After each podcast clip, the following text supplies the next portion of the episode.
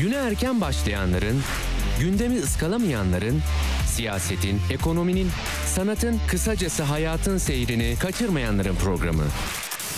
Ali Çağatay'la Seyir Hali hafta içi her sabah 7'den 9'a Radyo Sputnik'te. Ali Çağatay'la Seyir Hali başlıyor.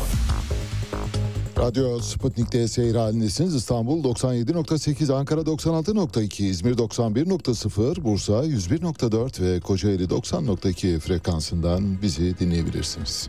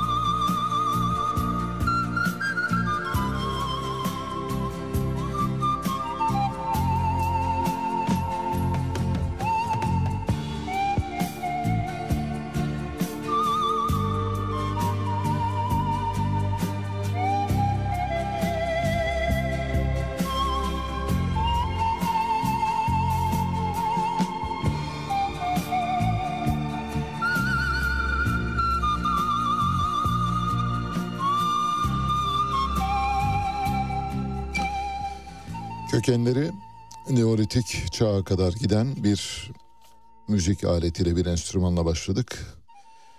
George Zamfir'in üflediği panflütle başladık ve George Zamfir bildiğiniz gibi çok sayıda sinema müziğine imza atmış müzisyenlerden bir tanesi. Çaldığı enstrümanda panflüt ve panflüt çok kolay bir enstrüman değil. Çünkü panflütü icra etmek ayrıca bir virtüözite gerektiriyor. Ve George Zamfir de bu virtüözlerin içinde en büyüklerinden biri dünyadaki belki de yaşayan en büyük panflüt ustası. Şu anda dinlemekte olduğunuz parça meşhur Lonely Shepherd, Yalnız Çoban. George Sanfir'den bahsedelim biraz. Arkasından biraz da elbette Pamflüt'ten bahsedeceğiz. Kendisi 1941 Romanya doğumlu. 50 yıllık müzik kariyerinde 120 ödülü var. Albümleri 140 milyona yakın satmış durumda. Bükreş Müzik Akademisi'nde Fanika Luka'nın öğrencisi olarak müzik hayatına başladı. Müzikleri televizyon programlarında, reklamlarında ve pek çok yerde kullanıldı. James Last orkestrasıyla çalıştı ve James Last orkestrası için şu anda dinlemekte olduğunuz parçayı hazırladı Lonely Shepherd. Ayrı, ayrıca 1984 yılında The Karate Kid filminde de yine bu müzik kullanıldı. Bu çok aşina bir müzik. Bu müziği duyduğumuz zaman böyle insanın bir tüyleri ürperiyor. Bilinen en büyük panflüt ustalarından birkaçını da sayalım. Adları burada zikredilmiş olsun. Mesela bunlardan bir tanesi Douglas Bishop. Kendisi bir Amerikalı. Kevin Butt, Kanadalı. Damian Dragici, Romanyalı. Iman Del Gatito, Pamplona'dan, İspanya'dan. Fanika Luka var yine Romanya'dan, e, tıpkı Zamfir'in ülkesinden. Konstantin Moskoviç var Moldovalı.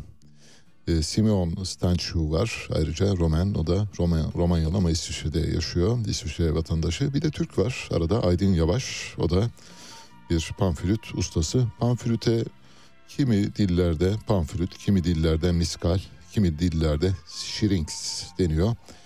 Bizim bu taraflarda yani Orta Doğu'ya geldiğiniz zaman daha çok miskal deniyor. Özellikle İran, Azerbaycan'da çok bilinen bir çalgı. George Sanfir'in imza koyduğu müziklerden de birkaç örnek verelim. Mesela Picnic at Hanging Rock. Bir zamanlar Amerika'da, Once at a Time yine Amerika. The Karate Kid yine 1984'te yapılan bir filmin de müziği yine George Sanfir tarafından icra edildi. Paradise aynı şekilde Margariti Margarita yine George Sanfir'in imza koyduğu müziklerden bir tanesi filmlerden. Celeste var ayrıca ve elbette herkesin çok iyi bildiği bu müziği duyduğu zaman evet bu bir Kill Bill müziği dediğimiz şu anda dinlemekte olduğunuz parçada var keza. Panflüt kamıştan yapılıyor aslında, sazlardan yapılıyor.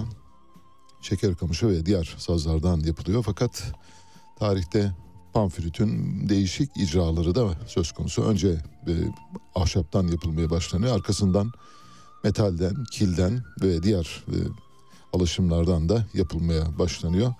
Panflüt icra etmek, çalmak epey bir zor, epey zor. E, sekiz borusu var. Giderek kısalan boylarıyla sekiz boru var. Dolayısıyla kısa doğudan kalın doğuya kadar yani ince doğudan kalın doğuya kadar uzanan bir aralığı temsil ediyor. Fakat her bir aralığa dudağınızın nasıl dokunduğu çok önemli. Bu yüzden panflütü panflüt gibi çalabilen az sayıda insan vardır. Herkes çalabilir elbette ama işte George Zamfir gibi çalabilmek bambaşka bir beceriyi gerektiriyor.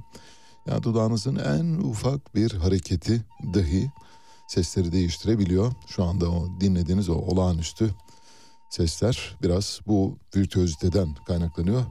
Dediğimiz gibi bazı yörelerde miskal adıyla biliniyor. Panflüt, müsikar adıyla biliniyor. Müştak diye biliniyor Orta Asya'da. İran'da müştak adıyla biliniyor. Arap ülkelerinde de şuaybiye diye adlandırılıyor.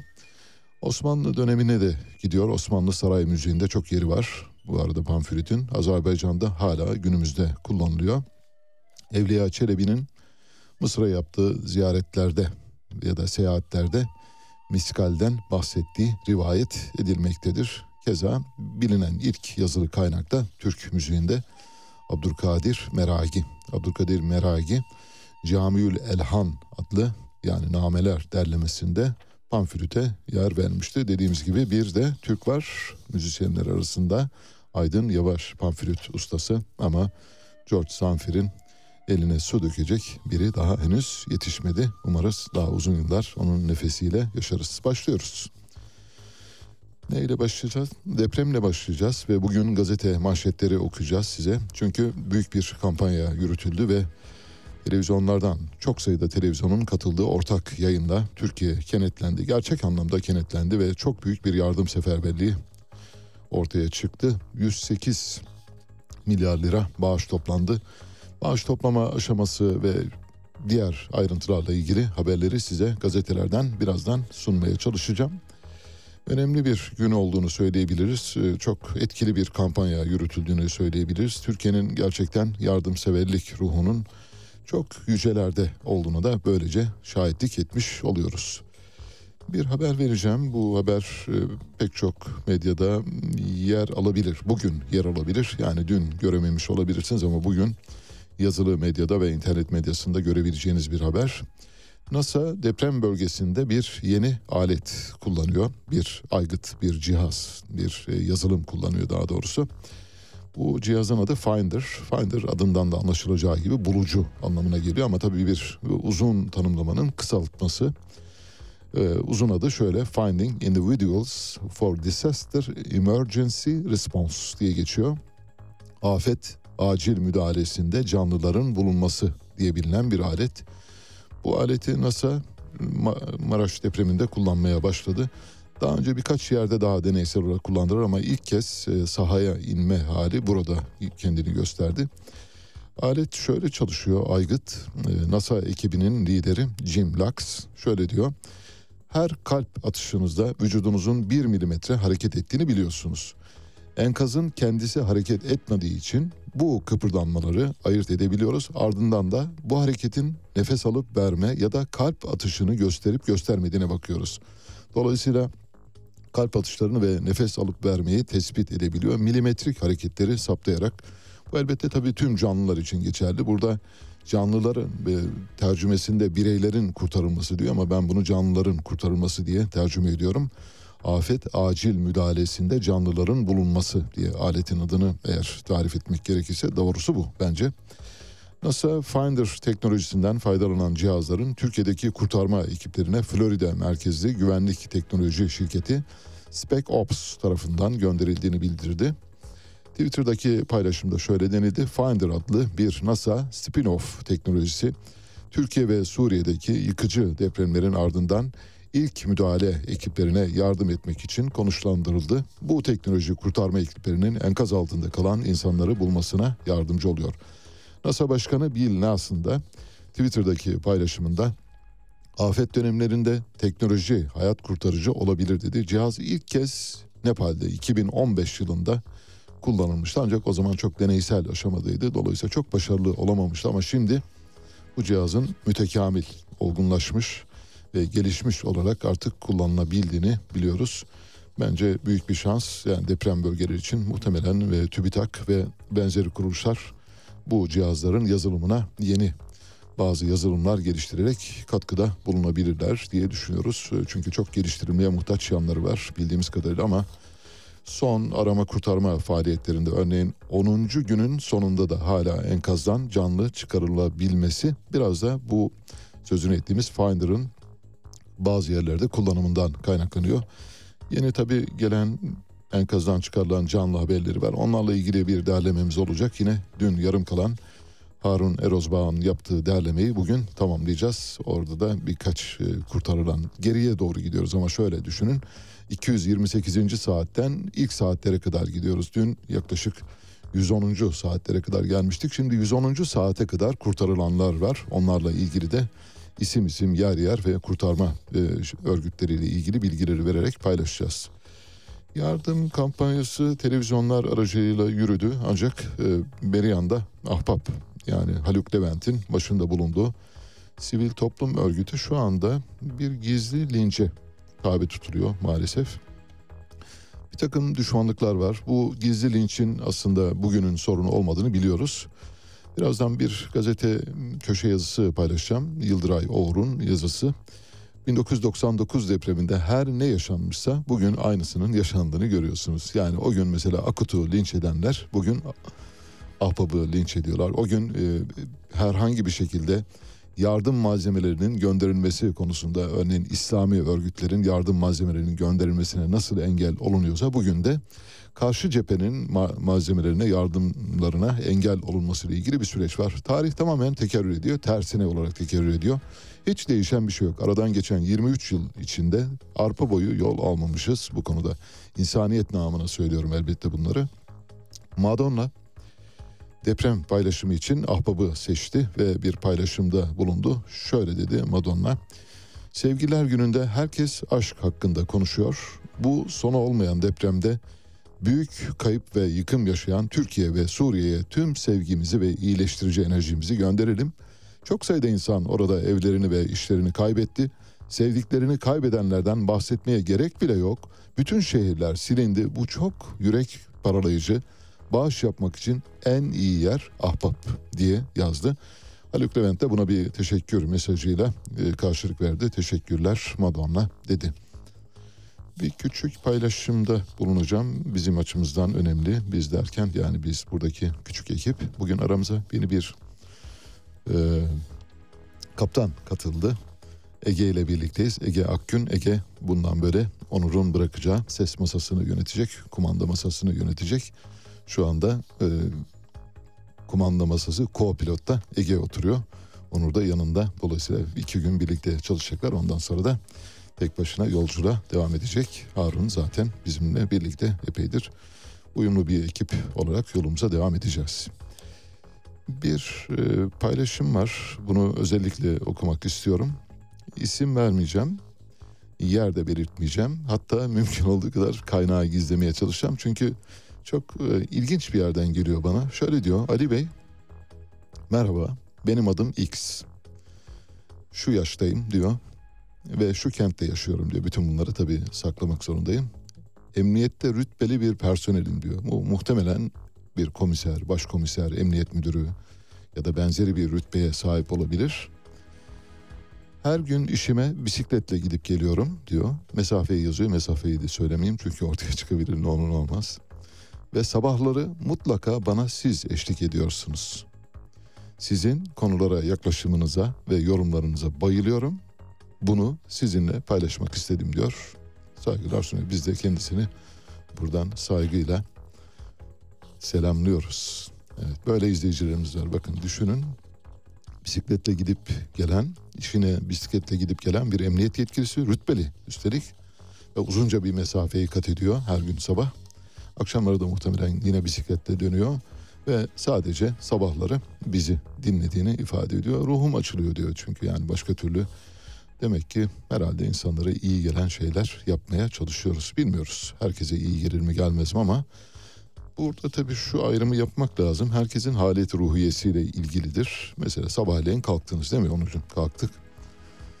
Evdeki kedi mesela değil mi böyle tepenizde dolaşıyor. İşte sizin de canınız burnunuzda bir an önce yola çıkmak istiyorsunuz. Yani kediye kızıyorsunuz mesela. İşte kediye kızmaya başladığınız andan itibaren o gün o gün berbat oluyor. O gün başlıyor. Aziz Nesin'in çok hoş bir öyküsü vardır. Öykü şöyle başlıyor. Bir gün adamın biri bir dar sokakta evine doğru böyle dalgın dalgın giderken işten çıkmış. Giderken bir bakıyor apartmanın birinden bir kedi böyle feryatla canhıraş bir şekilde dışarıya doğru fırlıyor. Ama nasıl uçuyor? Havada uçtuğunu görüyor kedinin. Kedinin öyküsünden yola çıkarak, kedinin e, sokağa sıçramasından ya da uçmasından yola çıkarak onu şöyle tasvir ediyor. Diyor ki muhtemelen diyor bu kediyi sahibi tekmeledi ve sahibi tekmelediği için kedi can havliyle kendini dışarı attı. Sahibine de muhtemelen eşi eve geldiği zaman ne bu surat falan dedi ve eşiyle arası bozuktu. Eşiyle olan kavgasını da kediden çıkardı hıncını. Eşi muhtemelen eve gelmeden önce üst amirinden bir fırça yemiş olabilir. O üst amiri de bir üst amirinden fırça yemiş olabilir. O da bir üstünden fırça yemiş olabilir. O da bir üstünden olay nereye kadar gidiyor? Başbakan'a kadar gidiyor. Başbakan o gün ters tarafından kalkmış mesela ve kedi sokağa kendini can havliyle atmış. O yüzden halet ruhiyemizle ilgili yani bazı günler çok iyi olabiliyoruz. Her şey bize çok iyi, sempatik gelebiliyor, sevimli gelebiliyor. Bazı günlerde dün çok sevdiğimiz, hoşumuza gittiğini düşündüğümüz şeyler bile bize iğreti gelebiliyor maalesef. Bu tamamen kendimizle ilgili. Yeri gelmişken e, ona da değinelim, e, boş geçmeyelim. Mesela zaman zaman izleyiciler e, yayınlarla ilgili görüşlerini belirtiyorlar. Son derece doğal, her türlü görüşe açığız. Her türlü, hiç o konuda en ufak bir şeyimiz yok. E, bir kez daha söylüyorum, bendenizin mesela Twitter'da 82 bin takipçisi var. Tek bir kişiyi engellemiş değilim, tek bir kişiyi. Hakaret eden, küfür eden, aşağılayan, ağza alınmayacak şeyler söyleyen kişiler de dahil olmak üzere herkes serbestçe yazabilirler bana. Hiç önemi yok. Ne olacak ki? Yani yazdı sizin bir şeyiniz mi eksildi? Siz aynı sizseniz mesele yok. Ama siz aynı siz değilseniz ve siz gerçekten yargılayıcı bir pozisyonda olduğunuzu düşünüyorsanız engellersiniz. Birilerini engellemek, onları engellemek anlamına gelmiyor. Onlar orada duruyorlar. Siz sadece onları görmez hale getiriyorsunuz. Biliniz ki e, engelleyerek bir yere varılmıyor. İzleyicilerimiz mesela zaman zaman bazı paylaşımlarda şöyle şeyler yazıyorlar. Bazı tabii izleyicilerin tamamından bahsetmiyorum. İşte 10 bin kişi de 5 kişi olabilir. Yani bir elin parmakları kadar insandan bahsediyoruz. İşte bu haberi verdiniz ama arkasında şu var. E, herhalde siz e, bir yere yatırım yapıyorsunuz falan gibi şeyler söylüyor. Ya da bir haberi veriyorsunuz. Bu haberle sizin bir menfaat bağınız olabilir mi gibi şeyler yazıyorlar. Çok nadir ama oluyor. Ben de onu şöyle söylüyorum onlara. İçimden söylüyorum cevap vermiyorum. Çünkü cevap verdiğim zaman iş başka bir boyuta gidiyor. Vallahi herkes kendini anlatır ben size söylüyorum. Herkes sadece kendini anlatır. Eğer birisi böyle bir ithamda bulunuyorsa bence bizzati o ithamın objesi kendisidir. Bizzati odur. Yani siz o durumda öyle yapıyorsunuz ki başkalarını da öyle görüyorsunuz. Aynesi iştir kişinin lafa bakılmaz. Peki böylece bu diskuru da vermiş olduk. Deprem bölgesinde krediyle konut almış kişilerin durumları ele alınıyor. Bu durumların nasıl sonuçlanacağına dair bankaların bir yürüttüğü kampanya var. Bankalar kredileri ötelediler fakat bankaların bankası Atatürk'ün bankası İş Bankası şöyle bir şey yaptı. Öncü Banka İş Bankası deprem bölgesindeki bütün yani hayatını kaybedenlerin tamamının kredi borçlarını, kredi kartı borçlarını, bankalara olan her türlü yükümlülüklerini iptal etti. Sildi, tek kalemde sildi. Yani bir derin böyle şeyle aldı, bir silgili kalemle sildi, üzerini çizdi. İşte bu yapılması gereken bu. Yoksa depremzedelerin borçlarını ertelemek falan bunlarla çözüm olmaz.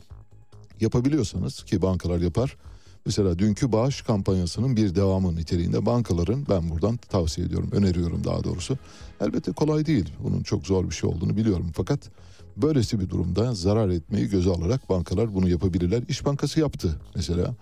Herkesin bütün borcunu depremde hayatını kaybeden herkesin 7'den 77'ye bütün borçlarını sildi. Yani tertemiz etti. Yepyeni bir sayfa açtı onlar için. Zaten alamazsınız.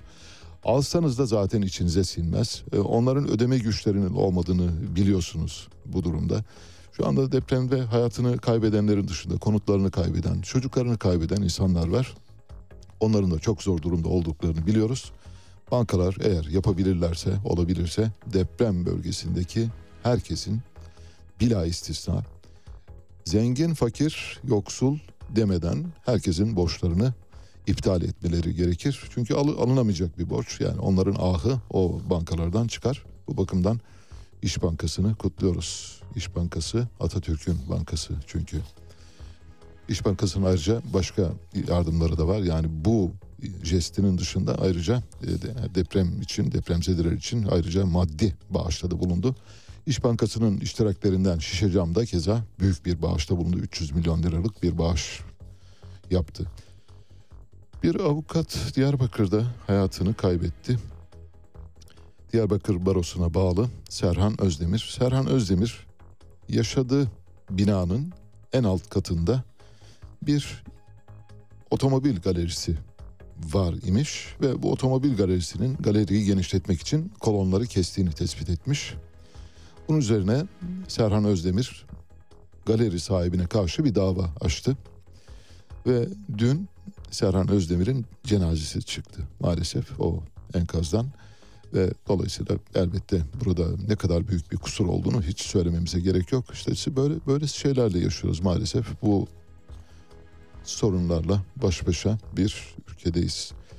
Parlamentoda EYT'lilerle ilgili birkaç haber vereceğim. Sonra küçük bir ara yapacağız. Arkasından gazete manşetlerini, yardım kampanyasını bütün gazetelerden tek tek paylaşacağız. EYT'lilerle ilgili durum bildiğiniz gibi deprem nedeniyle kesintiye uğradı ama önümüzdeki günlerde EYT'lilerin durumu netleşecek. AK Parti Grup Başkan Vekili Mustafa Elitaş, EYT görüşmelerinin 21 Şubat'ta yapılacağını söyledi. Genel kuruldaki görüşmelerden sonra Cumhurbaşkanı Recep Tayyip Erdoğan'ın imzasına sunulması planlanan düzenlemenin resmi gazetede yayımlanarak yasalaşması bekleniyor. EYT meclis aşaması sonrası Cumhurbaşkanı Erdoğan'ın imzasıyla yürürlüğe girecekti. 6 Şubat'ta Kahramanmaraş merkezli 10 ilde meydana gelen depremde çok sayıda kişi hayatını kaybetti. Kahramanmaraş'taki depremler sonrasında meclis çalışmalarına ara vermişti enflasyon bir armut gibi böyle olgunlaşıp daldan düşebilecek bir data değildir dedi. Şimdi fiyatlar düzeyi belli bir seviyeye kadar ulaştığında hepimizin günlük hayatında biz ne yapıyoruz? İşte bir bardak 10 lira, yarın 15 lira oluyor, bir gün 20 lira oluyor. Siz eskiden altılı bir bardak alırken üçlüye dönüyorsunuz, ikiliye dönüyorsunuz. Talep burada azaldığında belki enflasyonun belli bir noktada durması sonucu oluşabilir. Enflasyon bir armut değildir. Olgunlaşıp dalından düşmesini beklemeyiniz değil mi? Bunu bir e, motto olarak yazmak lazım. Evet yeniden birlikteyiz.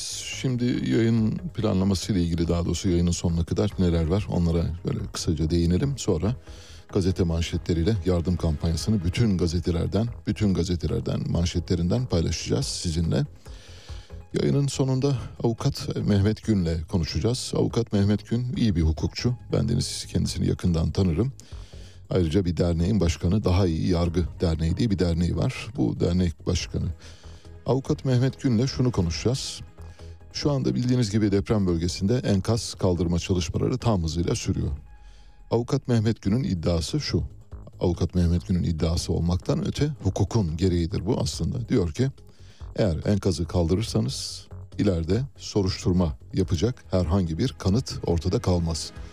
Bugünden önce kanıtlar toplanır, her yerden karotlar alınır, ipuçları çıkarılır, raporlar tanzim edilir ancak ondan sonra enkaz kaldırılır. Şimdi enkaz kaldırma bir yarış haline geldi. Tabii bir hafriyat e, mafyası var Türkiye'de bildiğiniz gibi şu anda ellerini ovuşturuyorlar.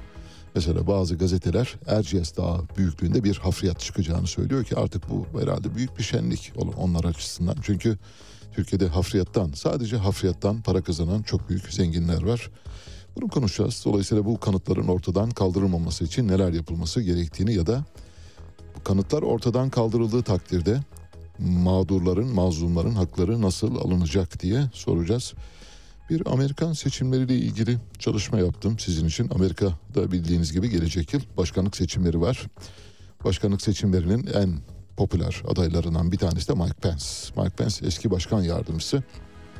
Kendisi biraz böyle hafif kovboy, hafif böyle western filmlerinden fırlamış bir karakter gibi gözüküyor. Dolayısıyla çok tehlikeli bir Amerikan başkanıyla yüz yüze gelebiliriz. Amerikan başkanlık seçimlerini anlatırken Twitter'ın Amerikan başkanlık seçimlerine nasıl müdahil olduğunu, diğer sosyal medya kuruluşlarının YouTube'un ve Facebook'un Amerikan başkanlık sistemlerini, başkanlık seçimlerini nasıl provoke ettiğini, kimden yana davrandığını, nasıl işler yaptıklarını yani kirli çamaşırları falan anlatmaya çalışacağız. Evet başlıyoruz gazetelere. Hürriyet gazetesi kampanyayı şöyle görmüş sür manşetinden, manşetin üzerinden kenetlendik diyor. 8 sütuna yaymış durumda. Yüreğimizi dağlayan deprem felaketinin yaralarını sarmak için Türkiye, Kuzey Kıbrıs Türk Cumhuriyeti ve Azerbaycan'dan 213 televizyon, 562 radyo ortak yayında yardım topladı. 3 ülke tek millet tarihi rakama ulaştı. Ortak yayında sanatçılar, sporcular, ünlüler telefonları yanıtlayarak bağış aldı. Hayırsever şirketler depremzedelere destek olabilmek için yarıştı. Vatandaşlar ayrıca tek yürek yazarak 20 kaç 26 68'e mesaj göndererek Kızılay'a 18 66'ya mesaj atarak da AFAD'a destek oldular. Sabahın ilk saatlerine kadar süren yayında milyarlarca lira toplandı. Yayına telefonla katılan Cumhurbaşkanı Erdoğan gelecek her kuruş depremzedelerimiz için kullanılacak, rekor kıracak bir rakamla milletimiz yine yüce gönüllülüğünü gösterecek diyor. Saat 01.30 itibariyle 115 milyar lira bağış toplandığını yazıyor Hürriyet gazetesi. O saatten sonra da devam etti. Bendeniz tabii o saate kadar ayakta değildim ama son saatlere kadar yani böyle bir e, heyecanla izledik. Hakikaten müthiş bir şeydi. Organizasyon biraz kötüydü. Yani kötüydü. az bile berbattı öyle söyleyeyim tek kelimeyle. Sesler anlaşılmıyor, telefon bağlantılarında problemler var. Kim kiminle konuşuyor, zamanı nasıl kullanacağız? Acaba onu mu alsak telefona, bunu mu alsak? Herkes kendi patronuna oynadı. Orada oraya katılan ekran yüzleri vardı biliyorsunuz. İşte mesela Show TV'nin ekran yüzü Show TV'nin patronunu bekliyor. Çıksın da onunla ben konuşayım. Turkuaz Medya'nın e, ekran yüzü, Turkuaz Medya'nın patronu çıksın onunla ben konuşayım. Böyle bir yarış vardı. İşte Demirören Medya'nın ekran yüzü e, Yıldırım Demirören çıksın ben konuşayım aman onu ben karşılayayım gibi böyle bir garip telaş vardı. Onları önemli görmüyorum ama organizasyonun çok kötü olduğunu söyleyebilirim. Çok başarısızdı bir defa. Prova edilmemiş yani prova edilmiş olsaydı muhtemelen böyle olmayacaktı. Şöyle düşünmüş olabilir abi biz yaparız ya merak etmeyin ya bir araya girelim. Hacım bak toplanalım şöyle bir ya, ya yaparız yok yok yok biz bunu daha önce de çok yaptık yine yaparız böyle. İşte bu Türk usulü maalesef. Halbuki bu büyük bir organizasyon. Yani herkese yakışır ve Türkiye'ye yakışır bir e, kalite içinde olması gerekirken bir Arap saçına döndü maalesef. E, ama olsun sonuçta bir para topladık elbette. Hürriyet gazetesi birinci sayfada paylaştığı fotoğrafta şu e, karakterleri yan yana görmüş.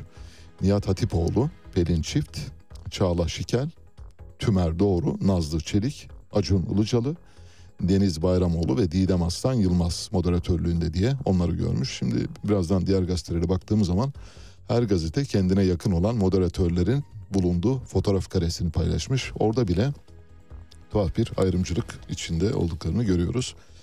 Dakikada 70 bin bağış mesajı atılmış bu arada. Milyonlarca çağrı yapıldı deniyor Hürriyet'in haberinde. Cumhuriyet Halk Partisi lideri Kılıçdaroğlu, İyi Parti lideri Meral Akşener, DEVA lideri Ali Babacan da maaşlarını bağışladı. Türkiye'deki cemaatler, sendikalar ve birlikler de milyonlarca lira verdi diyor. Bir kurtarma haberi var onu da paylaşalım. Yani bağış haberinin dışında. Kurtarma haberi dün 228. saatte gelen iki kurtarma var. Bunlardan birini sabah saatlerinde vermiştik hatırlarsanız ama ikinciyi verememiştik. Çünkü o bizim yayında olduğumuz saatlerde gerçekleşen bir kurtarmaydı. Hatay'da enkaz altında kalan bir anne ve iki çocuğu tam 228 saat sonra kurtarıldı. Kahramanmaraş'ta Melike İmamoğlu depremden 222 saat sonra Cemile Kekeş'te 227 saat sonra kurtarıldı. 228. saatte de Hatay'dan müjdeler geldi. Ela Behabet ile çocukları Ali ve Maysen sağ çıkarıldı. Mustafa Mirsat Kılıç da başka bir enkazdan kurtarıldı. Abdülkadir Selvi bu arada gazetenin en altında eteğinde yer alan bir haberi var. E, köşe yazısı oradan anons edilmiş. Biliyorsunuz gazeteler değerli köşe yazarlarının yazılarını birinci sayfadan anons ederler. Çünkü çok okunsun diye. Abdülkadir Selvi şu anda Hürriyet'in bir numarası. Hürriyet'in en çok değer verdiği yazarlar arasında ilk sırada böyle bir günde birinci sayfadan anons edilmeye değer yazar olarak Abdülkadir Selvi'yi gördüklerine göre bu gerçek değişmez. Yani bizim tespitimiz bu yönde olduğu için bizim tespitimizi doğruluyor. Abdülkadir Selvi'nin haberi şöyle. Kalıcı konutları bakana sordum. Şöyle diyor. Çevre ve Şehircilik Bakanı Murat Kurum ağır hasarlı binaların acilen yıkılacağını söylüyor. Mart ayında ilk 30 bin konutun yapımı zarar gören tüm il ve ilçelerde eş zamanlı başlayacak diyor. İçinde haber falan yok onu söyleyeyim. Haber olmadığı gibi birinci sayfadan anons edilmesini gerektiren hiçbir şey yok zaten. Eskiden sizin tevellütünüz el vermez. Sizin derken bizim çocuklardan bahsediyorum bu kadrodan. Hikmet Feridun Es diye bir yazar vardı. Hürriyet gazetesinde yazardı. Hikmet Feridun Es. Hikmet Feridun Es bir tür böyle modern Evliya Çelebi. Gezerdi dünyanın her köşesini. Hikmet Feridun Es Antarktika'dan bildiriyor. Hikmet Feridun Es Latin Amerika'dan bildiriyor. Hikmet Feridun Es Okyanusya'dan bildiriyor. Ulan Okyanusya neresi falan diye soruyorduk kendi kendimize. İşte Avustralya, Yeni Zelanda'nın olduğu yerden. Şimdi Abdülkadir Selvi kalıcı konutları bakana sordum diyor. Hikmet Feridun Es. The New Generation of Hikmet Feridun Es. Peki geldik Sabah gazetesine. Sabah gazetesi kampanyayı manşetin altında görmüş. Hürriyet sür manşette görmüş. Bu arada ikisi arasındaki farkı da belirtelim ama sabah çok daha iyi bir sayfa mizampajı yapmış. Çok albenili bir sayfa mizampajı. Yani sayfaya baktığınız zaman kampanya gözünüze çarpıyor. Hürriyette aynı etkiyi yaratmıyor maalesef. Şöyle diyor sabah asrın dayanışması 114 milyar lira 85 milyon Türkiye Tek Yürek kampanyasıyla iyilik yarışına girdi. Cumhuriyet tarihinin en büyük yardım seferberliğinde 114 milyar lira toplandı. Tarihi bir rekor kırıldı diyor. Bu arada kuruluşların yardımlarıyla ilgili listeyi de vermiş. Yani en büyükten en küçüğe doğru giden. Merkez Bankası 30 milyar lira bağışta bulundu. Ziraat Bankası 20 milyar lira, Vakıfbank 12 milyar lira, Halkbank 7 milyar, Savunma Sanayi 3.6 milyar lira, Türksel 3.5 milyar lira, Cengiz Holding 2.5 milyar lira, Türk Hava Yolları 2 milyar lira, Baykar Selçuk Bayraktar'ın şirketi 2 milyar lira, Türk Telekom 2 milyar lira, Borsa İstanbul'da 2 milyar lira bağışta bulundu. Şimdi biraz önce sayfanın birinci sayfayı anlatırken Hürriyet'te verdiğim ayrıntıyı bu defa sabah için tekrarlayalım. Sabah da birinci sayfasında yine kendisine yaz, yakın olduğunu düşündüğü yazar kadrosunu öne çıkarmış. Nihat Hatipoğlu ve Pelin Çift'in adından bahsetmiş. Sanki diğerleri o kampanyada yokmuş gibi bir izlenim ediniyorsunuz. Haberde şöyle ülkemizi yasa boğan deprem felaketinin yaralarını sarmak için yeniden 7'den 70'e herkes tek yürek oldu. 213 televizyonun 562 radyonun ortak yayınında asrın dayanışması sergilendi. Kampanyaya telefonla katılan Başbakan Erdoğan milletimiz yüce gönüllülüğünü gösterecektir. Gelecek her kuruş depremzedelerimiz için kullanılacaktır dedi. Simitçi bir günlük hasılatını çocuklar kumbaralarındaki harçlıklarından depremzede kardeşleri için yolladılar. Saat 01 itibariyle yardım miktarı 114 milyar liraya ulaştı. Gecenin sonunda hepimiz biriz diye Türkiye kazandı. Şimdi Hatay'da evet Sabah gazetesi de Yavuz Donat'ı birinci sayfadan anonsluyor. Sabah gazetesi için en birinci derecede önemli yazar Yavuz Donat. Tabi baş yazar var. Baş yazar Mehmet Barlas. Onun yazısı aşağıda. Yavuz Donat alanda olduğu için deprem bölgesinde olduğu için onu öne çıkarmışlar. Şöyle diyor Yavuz Donat deprem bölgesinde Hatay'dan yazdı yazıda. Hatay giyecek değil daha çok soba ve jeneratör bekliyor. Hatay'da devlet kurumları, belediyeler, gönüllüler büyük bir özveriyle çalışıyorlar. Her yerden yardım yağıyor. Ey hayırseverler bölgeye artık yiyecek, giyecek göndermeyin.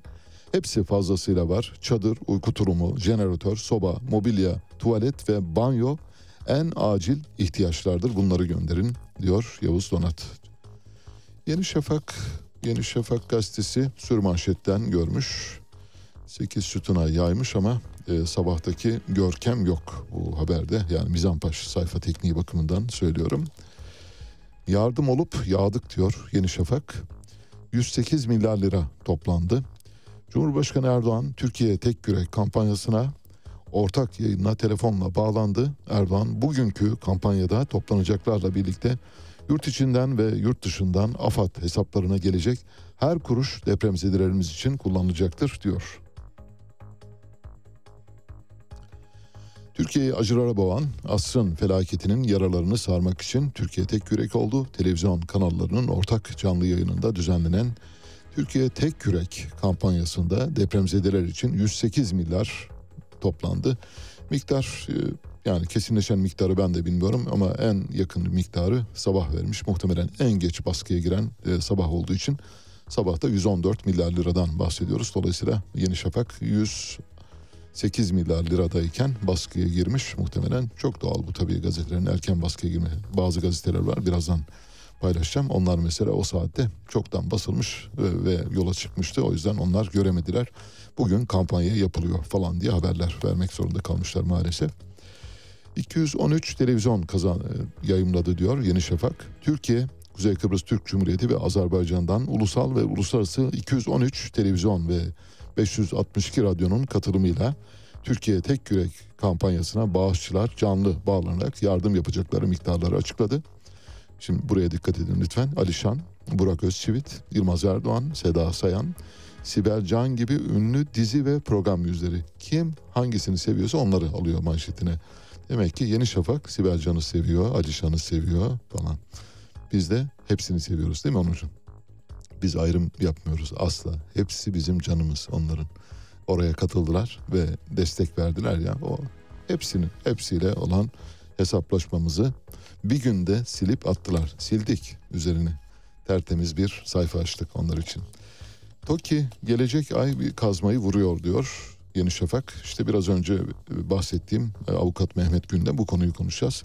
Avukat Mehmet Gün kanıtlar toplanmadan enkazın kaldırılmaması gerektiğini söylüyor ama şu anda hafriyat e, mafyası devreye girmiş durumda. Hafriyat mafyası ellerini ovuşturuyor. Erciyes Dağı büyüklüğünde hafriyat çıkarılacak diye haberler yapılıyor.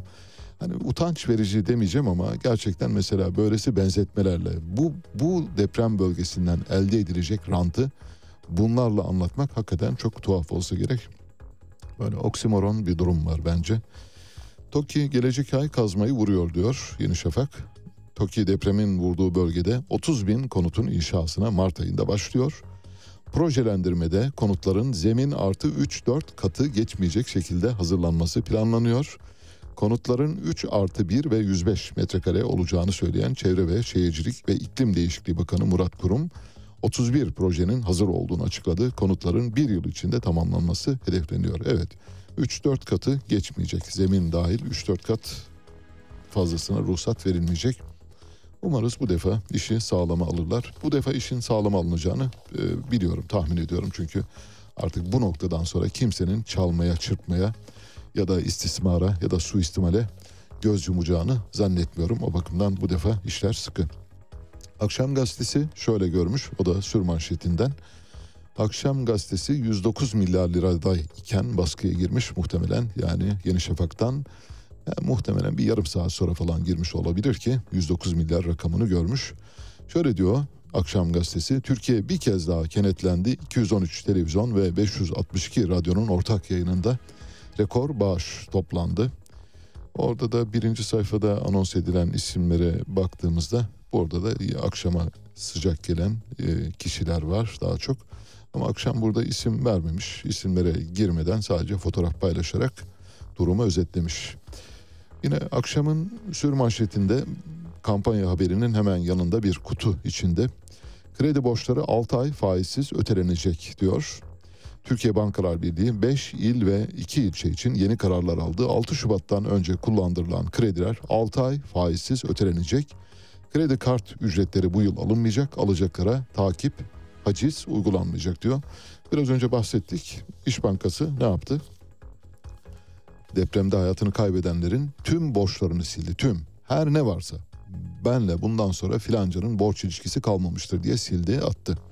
Ayrıca öteleme yaptı zaten. Bu durumda bütün bankaların hayatını kaybedenlerin tüm borçlarını, hayatını kaybetmeyip bir yakınını kaybedenlerin yine borçlarının belli bir miktarını hiç değilse silerlerse ancak o zaman çok doğru bir yere doğru gitmiş oluruz. Milliyet Gazetesi Teşekkürler Türkiye manşetiyle çıkmış. Milliyet Gazetesi 115 milyar lirada kalmış. Dolayısıyla birinciliği Sabah gazetesi alıyor. İkincilik Milliyet gazetesinde yani baskı sıralamasında. Dolayısıyla Demirören e, medya grubu da epey bir geç saatte baskıyı durdurmuş, bekletmiş muhtemelen. Baskıyı durdurmanın bir maliyeti vardır gazeteleri. Hoş gerçi gazeteler artık gazeteden para kazanmıyorlar. Başka yerlerden kazanıyorlar. O yüzden hani şu anda elimde tuttuğumuz bu gazetelerin para kazandırma aracı olduğunu e, düşünmüyoruz zaten. Teşekkürler Türkiye diyor Milliyet Gazetesi. Televizyonlarda ortak yayımlanan Türkiye Tek Yürek programında yardım yağdı. Saat 02 itibariyle depremzedeler için 115 milyar lira bağış toplandı. Bu arada yayınlanan diyor e, Milliyet Gazetesi biliyorsunuz yayın ile yayım arasında bir fark vardır. Yani neşir ile neşriyat arasında fark olduğu gibi. Bir şey eğer size bir vasıtayla ulaştırılıyorsa örneğin radyo link vasıtasıyla e, uydu vasıtasıyla ya da e, radyo frekans dalgalarıyla ulaştırılıyorsa onun adına yayım derler. M ile Manisa'nın M'si. Yok elinize böyle bir şey verirlerse böyle bir gazete verirlerse bu yayındır. Yani bu elimde tuttuğum şeyde ona da yayın derir. Nazilli'nin nesiyle. Neyse yani gazetecilik dersi vermeyelim. Türkçe dersinin zamanı değil. Şöyle diyor Milliyet Gazetesi. Ortak yayın Nihat Hatipoğlu, Pelin Çift, Çağla Şikel, Tümer Doğru, Nazlı Çelik, Acun Ilıcalı, Deniz Bayramoğlu ve Didem Aslan Yılmaz moderatörlüğünde. Milliyet Alişan'ı saymamış Onurcuğum. Gördün ya. Halbuki çok büyük emeği vardı. Alişan yok. Olmaz. Bilmiyorum. Ben şahsen itiraz ediyorum bu duruma. Cumhuriyet Gazetesi şöyle girmiş. Cumhuriyet Gazetesi erken basılıyor. O yüzden kampanyayı çok altta aşağıda ve ilk rakamlarla birlikte görmüş. Yani ilk yapılan bağışlarla görmüş. Dolayısıyla total rakamdan zaten bahsetmiyor. Cumhuriyet Gazetesi'nin hemen eteğinde sağ tarafta bir küçük kutunun içinde şöyle diyor. Depremzedeler için tek yürek olduk, iyilikte yarıştılar. Televizyonlar deprem bölgesine destek için ortak yayında bağış topladı. Siyasiler, iş insanları, sanatçılar, sporcular ve yurttaşlar depremzedelerle tek yürek oldu. En yüksek bağışı 30 milyar lirayla Merkez Bankası yaptı diyor. Cumhuriyet'in manşeti de şöyle farklı bir konuya ayırmış yani depreme ayırmış daha doğrusu. İstifa etmiyorlar, tehdit ediyorlar diyor. Dört ana başlığı var bu haberin. Şöyle, iktidar kriz yönetiminde sınıfta kaldı. Yurttaşın sesini, feryadını duymadı. Yardım taleplerinin paylaşıldığı sosyal medyayı sansürledi. Depremzede hemşire 3 gün yardım gelmedi. Kaderimize terk edildik dedi. Evine polis gönderildi. Tutanak tutuldu. İktidarı eleştirenler susturuldu. Canla başla yaraları sarmaya çalışan hayırseverlerin gönderdiği tırlara ve kamyonlara el konuldu. Yurttaşların dayanışma çabası da engellendi. Binlerce kişinin güvenip desteklediği ahbap hedefe konuldu. İçişleri Bakanı Soylu devletle eş koşmaya çalışan varsa gereği yapılır diyor. Devletle eş koşmak değil de devlete eş koşmaktır. Neyse orada bir Cumhuriyet Gazetesi yılların Cumhuriyet Gazetesi de manşetten birinci sayfadan böylesi tahsihlere yer veriyorsa ben de söyleyecek bir şey bulamıyorum. Evet küçük bir araya gidiyoruz. Saat başına kadar size George Zamfir'den tekrar parçalar dinletiyoruz. Chio Carlia ve George Zamfir'in o sihirli dudaklarından ve sihirli nefesinden yayılıyor size.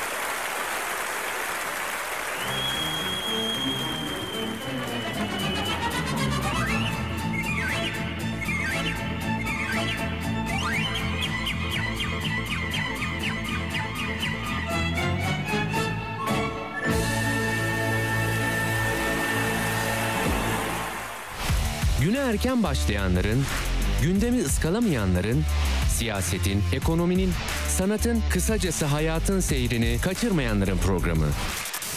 Ali Çağatay'la Seyir Hali hafta içi her sabah 7'den 9'a Radyo Sputnik'te.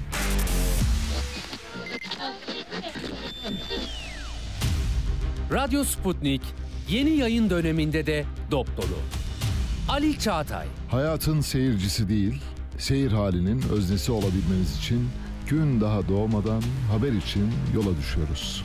Atilla Güner. Bizim işimiz ayrıntılara erişmek. Hayatın her alanından, her konudan hakikate varmak istiyoruz. Her akşam bunun için mikrofon başındayız. Ceyda Karan. İçinde yaşadığımız çağı ve insanlığın büyük macerasını anlayabilmek için dünyanın her köşesine uzanıyoruz. Meliha Okur. Sadece yüksek siyasetin koridorlarında gezinmiyor, insanlığın temel sorunlarına bakıyor, gelecek nesiller için bugünün hatalarını sorguluyoruz. Ve Enver Aysever. Çok seslilikten vazgeçmiyoruz. Görevimizin tarihe not düşmek olduğunu biliyoruz. Herkese ifade özgürlüğü tanıyor, söz hakkı veriyoruz. Türkiye'nin ödüllü haber radyosu Radyo Sputnik, özgün içeriği ve deneyimli haberci kadrosuyla yeni yayın döneminde de sizlerle. Radyo Sputnik. Anlatılmayanları anlatıyoruz.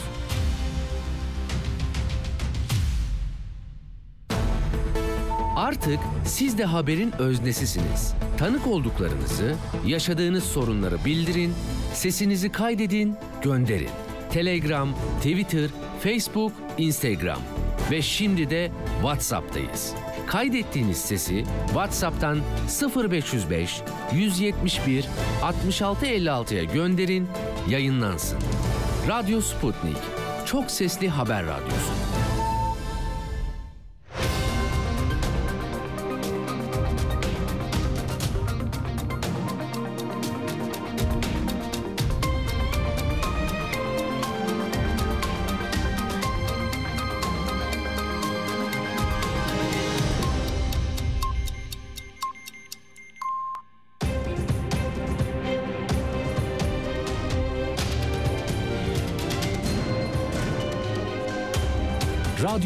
Sputnik.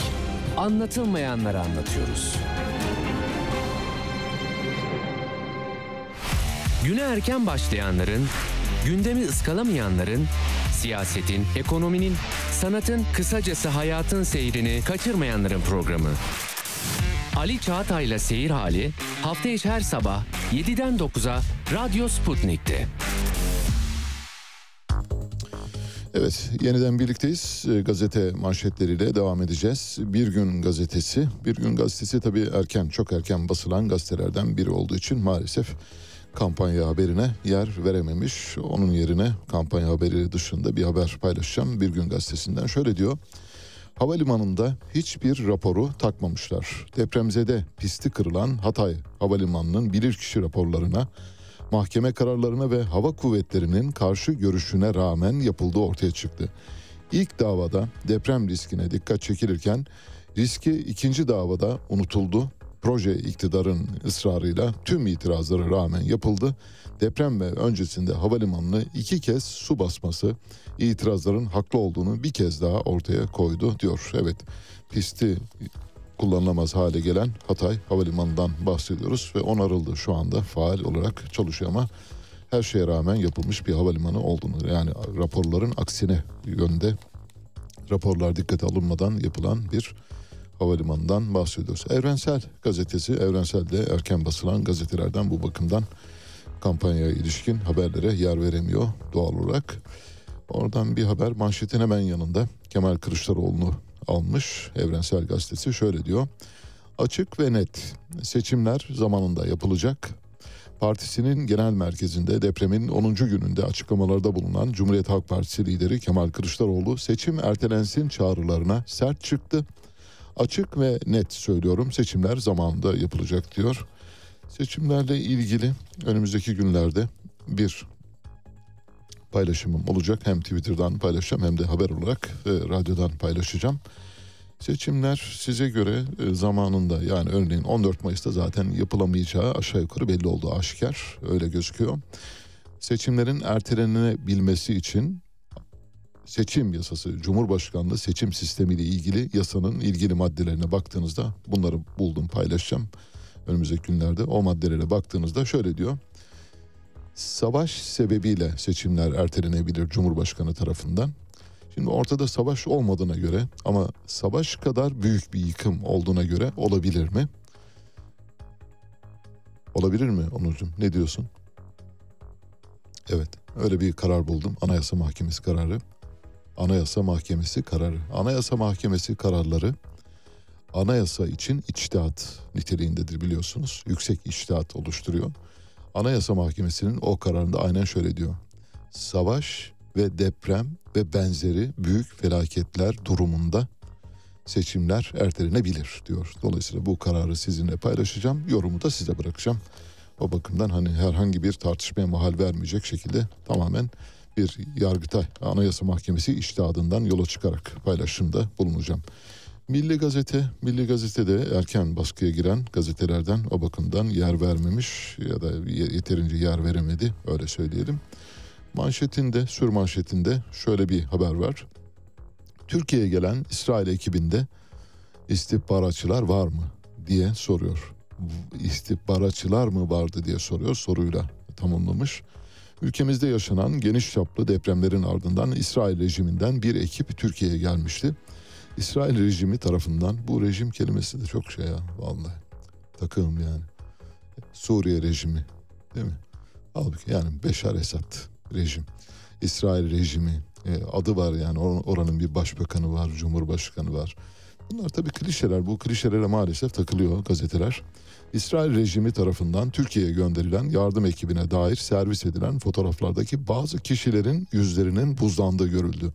Söz konusu durumun sebebi anlaşılamazken İsrail ekibinin somut güvenlik tehdidini öne sürüp çalışmalarını sonlandırarak planlanan önce geri döndüğü öğrendi. Adamlar korktular, tehdit edildiler ve gitmek zorunda kaldılar.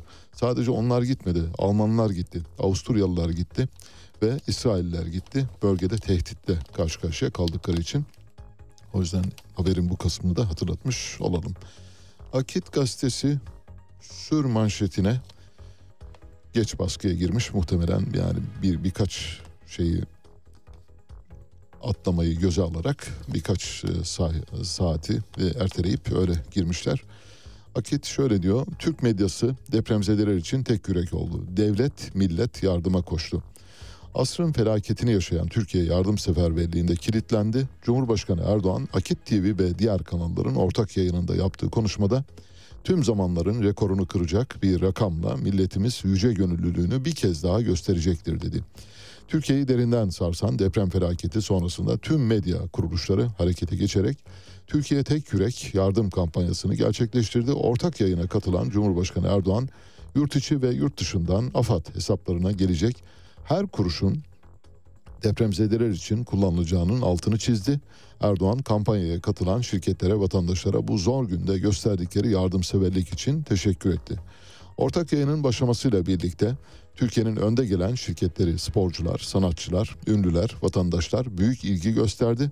Merkez Bankası'nın 30 milyar lira ile en büyük katılım yaptığı kampanyada Ziraat Bankası 10 milyar, Vakıfbank 12 milyar, Halkbank 7 milyar, Türk Hava Yolları 5 milyar, Türksel 3,5 milyar, Cengiz Holding 3 milyar, Türk Telekom 2 milyar, TMSF 2 milyar, Türkiye Sigorta 2 milyar, Baykar 2 milyar, Ziraat Katılım 1 milyar lirayla başı çekti diyor.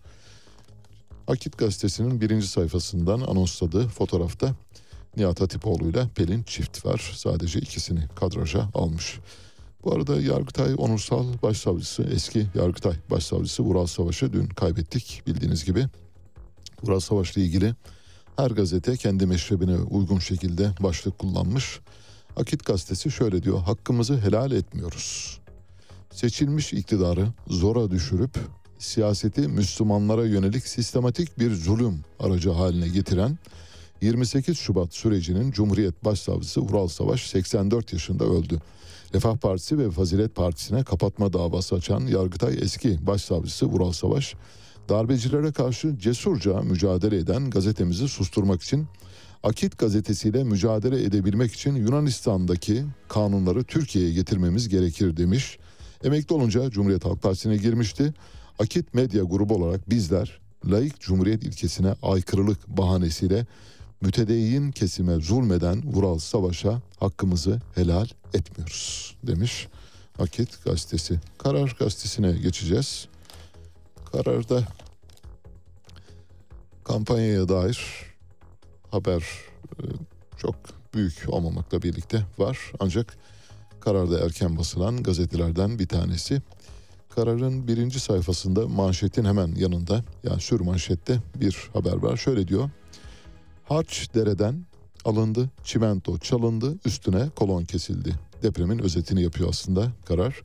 Diyarbakır'da yürütülen bir soruşturma kapsamında çöken binalardan numune alma yarı, e, alımına başlandı. Depremde çöken Yoldaş Apartmanı'ndan alınan numunelerle ilgili Fırat Üniversitesi İnşaat bölümünden Doktor Sedat Savaş'ın verdiği bilgiye göre yıkımın neden bu kadar büyük olduğunun özeti gibiydi. Savaş çamurlu malzeme elenmeden dere yatağından getirilmiş çimento miktarı çok düşük. Doğru dürüst kolon kiriş kalmamış basınç mukavemeti 35 megapascal olması gerekirken 3-4 çıktı. Nasıl? 34 megapascal ve 3 megapascal. Onda bir. İşte bu. Evet yani karşı karşıya bulunduğumuz durum budur. Son gazetemiz Sözcü. Sözcü'den birinci sayfayı paylaşacağız. Sonra haberlerimiz var. Hava haberlerle devam edeceğiz. Sözcü gazetesi sür manşetinden Sözcü televizyonunun yayın hayatına katıldığını anonsluyor. Şöyle diyor. Sözcü televizyonu test yayınına başladı. Özlem bitti. Türkiye'deki televizyonculuk nasıl yapılır şimdi herkes görecek. Usta gazeteci Yılmaz Özdil yönetimindeki Sözcü Televizyonu yayın dünyasına yeni bir soluk getirecek. Hasretle beklenen Sözcü Televizyonu tüm platformlarda test yayınına başladı. Depremzedeler için Türkiye Tek Yürek ortak yayınına katılan Sözcü Televizyon'dan bundan sonra gözünüzü kulağınızı ayıramayacaksınız. Atatürk'ün izinde gerçek ve bağımsız haber ve yorumlara doyacaksınız. Bizi doyuracak. İyi, güzel. Onucum hazırsan eğer açlığınız varsa geliyor. Televizyon geldi artık doyacağız. Habere doyacağız. Evet. Sözcü gazetesinin manşetinin hemen altında Ahbap'la ilgili bir haber var. Bildiğiniz gibi Ahbap'a yönelik pek çok aleyhte bir e, kampanya yürütülüyor. Linç diyelim hatta yani işin doğrusunu söylemek gerekirse. Sözcü Ahbap'a sahip çıkan bir haber yapmış. Şöyle diyor. İşte AFAD Ahbap işbirliği Haluk Levent'in e, AFAD'ın düzenlediği bir etkinlikte e, bir plaket aldığına dair bir fotoğrafı paylaşmış. Yanında da AFAD yetkilileri ve görevlileri var. İşte diyor plaket onu da böyle sarı içine almışlar. Sarı bir e, elips içine almışlar. işaret etmişler. İşte AFAD işte ahbap diye. Dolayısıyla neden bugün düşmanlık var diye soruyor. Halkın güvenini kazandığı için hedef yapılan Ahbap Derneği'nin AFAD'la işbirliği protokolü imzalayıp birlikte çalıştığı ortaya çıktı. Ahbap kurucusu olan ünlü şarkıcı Haluk Levent kendisine yönelik eleştiri ve tehditlere dün sosyal medyadan yanıt verdi. AFAD'la Ahbap'ın geçen yıl yaptığı işbirliği protokolünde yetkililerle çekilen fotoğrafı da yayınlandı diyor. Böylece AFAD Ahbap ilişkisinde AFAD'dan ve Ahbap'tan birlikte hareket edildiğine dair ya da ikisinin birlikte hareket ettiklerine dair bir küçük e, hatırlatma yapıyor. E, zaten süreç Osman Kavala'nın tutukluluğunun sürdürülmesi üzerine kurulmuş. Aynen. Bu tutukluluk devam etmesi için hukuka karşı verilen bir mücadele haline girmiş durumda. Merkez Bankası'nın son aylarda izlemiş olduğu para politikası doğrudan enflasyonda bu sıçramaya yol açtı. E, yani ve de, devamı da gelecek. Ülkeyi aslında öyle yönetiyorlar ki adeta koca bir survivor oyunu gibi. Bugün için önemli olan husus Türkiye'de bu sistemin değişmesidir. Bu sistem yani Cumhurbaşkanlığı hükümet sistemi Evet. maalesef uygulama aşamasında kağıt üzerinde durduğu gibi durmadı. Ali Çağatay'la Seyir Hali hafta içi her sabah 7 ile 9 arasında Radyo Sputnik'te. Evet, şimdi kısa kısa birkaç haber vereceğiz. Ondan sonra bir Amerikan dosyası var ona gireceğiz. Amerikan seçimleri 2024'te yapılıyor başkanlık seçimi. Yeni bir Amerikan başkanı gelebilir. Ee, Mevcut e, başkanın seçilebilip seçilemeyeceği konusunda bir tahminde bulunmak e, mümkün değil. Ancak Mike Pence'in adaylığını açıkladığını biliyoruz. Mike Pence Amerikan derin devletinin adamı olarak yeni başkan olarak karşımıza çıkabilir diye düşünüyorum. Dünkü yardım kampanyası sırasında biraz böyle hani e, küçük gülümsemelere yol açan ama tabii üzerinde çok fazla böyle yani latife yaparak e, yayabileceğimiz bir hadise değil ama şöyle bir şey oldu onu paylaşalım. Bir otomotiv şirketi Yeni Çamoluk Otomotiv Şirketi adında bir şirket yetkilisi yayına katıldı ve 50 milyar lira bağışta bulunacağını açıkladı. Bunun üzerine yayında bulunan e, Zabat e, yani küçük dilini yuta yazdı öyle söyleyelim. O kadar hayretle karşıladılar. Halbuki bunun basit 50 bin lira oldu belli yani. Adam eski parayla konuşuyor. Dolayısıyla 50 milyar lira 50 bin lira falan diye. Bu epey bir tartışıldı ama yani hakikaten çok komikti. Herkes e, onun gerçekten ne olduğu konusunda karar veremedi ama sonunda evet dediler 50 bin lira olduğu konusunda karar verdi. Eski parayla konuşan insanlar var hala. Bildiğiniz gibi eski para bin lira 1 milyar lira ya karşılık geldiği için işte adını önüne koydunuz mu hatta geriye doğru giderseniz onu trilyon bile yapabilirsiniz. İş Bankası biraz önce de bahsetmiştik. Depremde hayatını kaybeden vatandaşların tüm borçlarını sildi. Yeni bir sayfa açtı. Afgan Kızılay'ı topladığı 50 bin dolarlık deprem yardımını Türk Büyükelçi'ye naylon poşet içinde teslim etti. Şimdi Harun bu fotoğrafı paylaşacak. Afgan Kızılay'ın başkanı Türk e, Kızılay'ına getirmiş bir bildiğimiz bir pazar poşeti içinde teslim ediyor. Bu arada miktarı söyleyelim 50 bin dolar. Şimdi 50 bin dolar Afganistan kaç nüfuslu biliyor musunuz? 34 milyon nüfusu var. 50 bin dolar 34 milyon nüfus. Gagavuzya kaç nüfuslu? 134 bin kişiden oluşan Gagavuzya dün 50 bin dolar gönderdi. Nasıl? Aradaki farka bakınız. Farkı fark edelim. Gagavuzya'nın Cumhurbaşkanı Irina Vlah bugün bir paylaşımda daha bulundu. Gagavuzya Türkçesiyle okuyacağım. Sonra hani eğer arzu ederseniz onun e, Anadolu Türkçesine de tercümesini yaparım ama e, yeterince anlaşılır. O yüzden tercümeye gerek yok. Şöyle diyor, çirkin er tepremesinin ilk günlerinden sonra Moldova Türk halkına yardıma geldi. Korkmayarak kendi ömürü için bizim kurtarıcılar 3 yaşında uşağı yıkık bina altından çıkardılar da kurtardılar. Kurtarıcıların arasında Buluner, Gagavuz, Valeri, Dimçoglo videoda kırmızı kasklan görülüyor diye yazmış.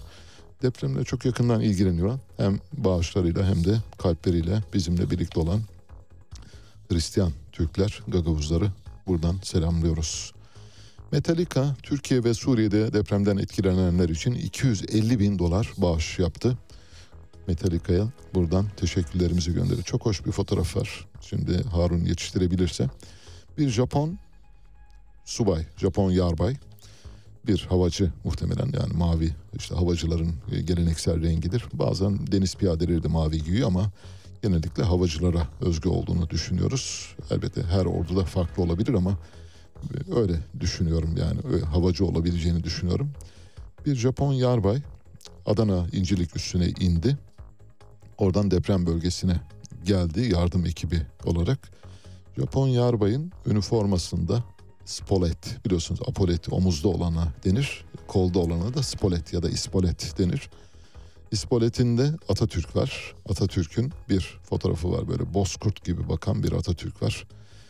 Biz diyor maviye olan hayranlığımız Selanik'te açan bir çift göze olan hayranlıktır diye bir klişesi var. O klişeyle paylaşmış. Çok hoş, anlamlı, güzel bir fotoğraf olduğu için sizinle paylaştım. Umarım e, Harun yetiştirebilmiştir ekrana. Dışişleri Bakanı Mevlüt Çavuşoğlu Ermenistan bu zor günümüzde insanımıza ve insanlığa dostluk elini uzattı diyor. Ermenistan Dışişleri Bakanı bildiğiniz gibi yardım kapsamında Türkiye ile dayanışmak için ve Türkiye'ye başsağlığı mesajında bulunmak için geldi. Ararat Mirzoyan Dışişleri Bakanlığı'ndaki görüşmenin sonrasında bir ortak basın toplantısı yaptılar. Depremin ardından Ermenistan'ın Türkiye'ye 28 kişilik arama kurtarma timi gönderdiğini aktaran Çavuşoğlu, Ermenistan ekibinin 8 Şubat'tan bu yana Adıyaman'da canla başla çalıştığını dile getirdi. Çavuşoğlu Ermenistan kurtarma ekiplerinin küçük bir kızı ve kadını kurtardığını belirtti. Onlara da çok teşekkür etmek istiyorum. Gerçekten canla başla çalıştılar ve vatandaşlarımızı kurtarırken çok mutlu olduklarını gördük diyor. Ermenistan'ın Türkiye'ye 100 tonluk insani yardım da yolladığını, mevkidaşı Mirzoyan'ın dünkü görüşmede ilave yardımlar göndereceğini söylediğini de belirtiyor Çavuşoğlu. Ermenistan'ın Türkiye'ye sürekli ilave isteklerinin olup olmadığını da sorduğunu aktardı. Yani başka bir isteğiniz var mı diye sormuş Ermenistan Dışişleri Bakanı Ararat Mirzoyan. Şimdi birkaç gün önce de bildiğiniz gibi Yunanistan Dışişleri Bakanı Nikos Dendias gelmişti. Nikos Dendias'ı da aynı şekilde karşıladı ve onunla ortak bir e, toplantı da yaptı Mevlüt Çavuşoğlu. Hemen böyle hafızamızı biraz yokluyoruz geriye doğru şöyle bir bir ay gidiyoruz. Nikos Dendias'a ne demişti Onurcuğum hatırlıyor musun? Dangalak Dendias demişti. Ya işte demeyeceksiniz. Yani diplomaside, uluslararası siyasette, iç siyasette hiçbir yerde yani dün söylediğinizi bugün size hatırlatırlar. O dangalak dediğiniz Dendias geldi size yardım eli uzattı. O yüzden söylememek lazım. Böyle şeylerde çok dikkatli olmak lazım. Diplomasinin bir kültürü var, ahlakı var, etiği var, değerleri var. Bu değerlere uygun davranmak zorundasınız maalesef. Öyle hareket etmiyor. Yani kötü günde elbette kızabilirsiniz ama bunu diplomatik bir şekilde dile getirebilirsiniz. Yani adamın adıyla hani dangalak ikisi de D ile gidiyor yani kafiyeli olduğu için dangalak Dendias.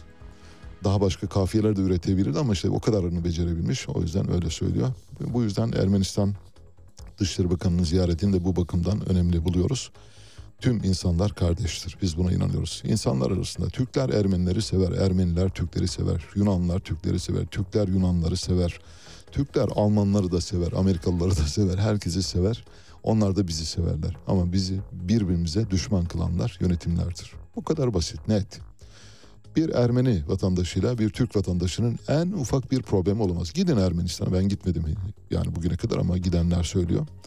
Müthiş bir müthiş bir müzahir durum görürsünüz. Bir sevgiseli yani kardeşini görmüş gibi muamele edildiğini görürsünüz orada. Yunanistan'da da aynı şekilde. Ama tabii işi düşmanlık boyutuna getirdiğiniz zaman işte bir dış düşmana ihtiyacınız olduğu zaman böyle şeyler yapıyorsunuz. Bunlardan uzak durulması gerektiğini hatırlatıyorum. Bir hatadır, olmuştur elbette Mevlüt Çavuşoğlu. Umarız bundan sonra aynı türden hatalara e, yol açmaz. Emlakçılar Odası Başkanı ev sahiplerine tepkili. Mersin'de kiralar 2-3 kat arttı. Depremin başından bu yana 10 gün içinde Mersin'de kiralar füze gibi roket gibi şu anda 3 bin liralık bir ev 5 bin lira 5 bin liralık bir ev 10 bin lira ve Mersin'in böyle mutena dediğimiz böyle çok gözde semtlerinde ev kiraları 15 bin lira ile 20 bin lira arasında 15-20 bin lira şu anda Caddebostan'daki kiralama fiyatları. Yani Caddebostan'a eş değer İstanbul'a eş değer kiralama fiyatları var Mersin'de. Neden? Çünkü 13,5 milyon insan oraya peyderpey akıyor. En güvenli bölge olarak Mersin gözüküyor. Mersin'e gidiyorlar ve Mersin'de şu anda kiralar almış başını gidiyor. Bu tabii tehlikeli bir gelişmeyi de beraberinde getiriyor. Şu bakımdan bildiğiniz gibi deprem felaketine maruz kalan kentlerden örneğin Gaziantep, Kahramanmaraş, Malatya, Hatay önemli sanayi kentleri aynı zamanda. Bu sanayi kentleri yarın öbür gün boşalacak.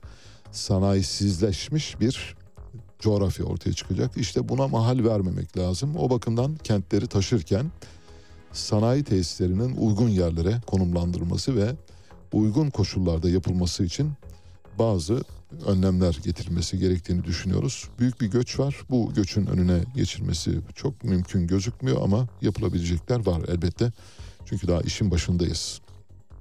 Beyaz Saray Ohio'daki bir kimyasal felaketin yakından takip edildiğini bildirdi. Beyaz Saray sözcüsü Karine Jean-Pierre, Amerika'nın Ohio eyaletinde zehirli kimyasal madde taşıyan bir trenin raydan çıkmasının ardından bölge halkının içme suyu ve hava kalitesi konusundaki endişeleri giderilinceye kadar çalışmaların devam edeceğini aktardı. Jean-Pierre, Amerikan Çevre Koruma Ajansı'nın bölgede eyalet yetkilileriyle çalışmalar yürüttüğünü, Joe Biden yönetiminin yerel idarecilerle ihtiyaçlarını gidermek için temasta bulunduğunu aktardı. EPA'nın, Avrupa Haber Ajansı'nın 4 Şubat'tan bugüne sahada olduğunu belirten Jean-Pierre, Doğu Filistin kasabasında yaşanan gelişmeleri yakından takip ettiğini söylüyor. Ayrıca Ulusal Taşımacılık Güvenlik Kurulu'nda trenin raydan çıkmasına ilişkin soruşturmayı sürdürdüğünü bildiriyor.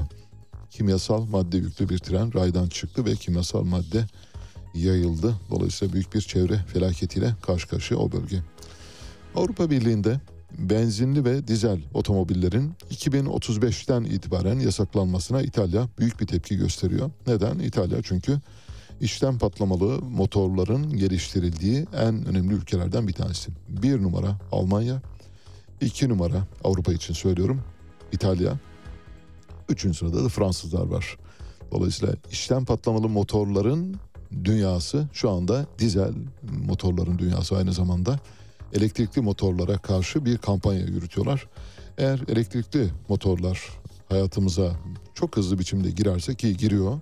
Hollanda mesela şu anda e, ulaşımda aşağı yukarı %60'tan daha fazla elektrikli otomobil kullanmaya başladı. Avrupa'nın en hızlı elektrifikasyon ya da elektrikli otomobil geçişini yapan ülkesi Hollanda. Eğer bu hızla devam ederse Almanya'nın, Fransa'nın ve İtalya'nın otomobil pazarı gerçekten çok zor bir dönem yaşayabilir. İşte bu yüzden şimdiden İtalya ses çıkarmaya başladı. İtalya Başbakan Yardımcısı ve Ulaştırma Altyapı Bakanı Matteo Salvini, eski başbakan aynı zamanda biliyorsunuz. Avrupa Parlamentosu'nda kabul edilen 2035'ten itibaren yeni benzinli ve dizel binek hafif ticari araçların satışına yasak getiren karara tepki gösterdi. Matteo Salvini, çılgın ve şaşırtıcı bir karar İtalyan ve Avrupa sanayisine, işçilerine karşı Çin yararına bir karar. İdeoloji mi, cehalet mi yoksa kötü niyet mi? Hepsi, hepsi.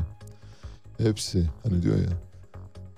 Eğer göremiyorsanız bunun hepsi olduğunu söyleyebiliriz. Ama onun farkına varma işi size aitti. Eğer zamanında farkına varmış olsaydınız elektrikli otomobillerin çağının başladığını görmüş olsaydınız ve işten patlamalı motorların döneminin yavaş yavaş kapanacağını ve bir süre sonra petrol ve fosil yakıtların döneminin de kapanacağını görmüş olursunuz. Ama bugün hala bunu görmeyen pek çok cehalet içinde Avrupalı nomenklatura var.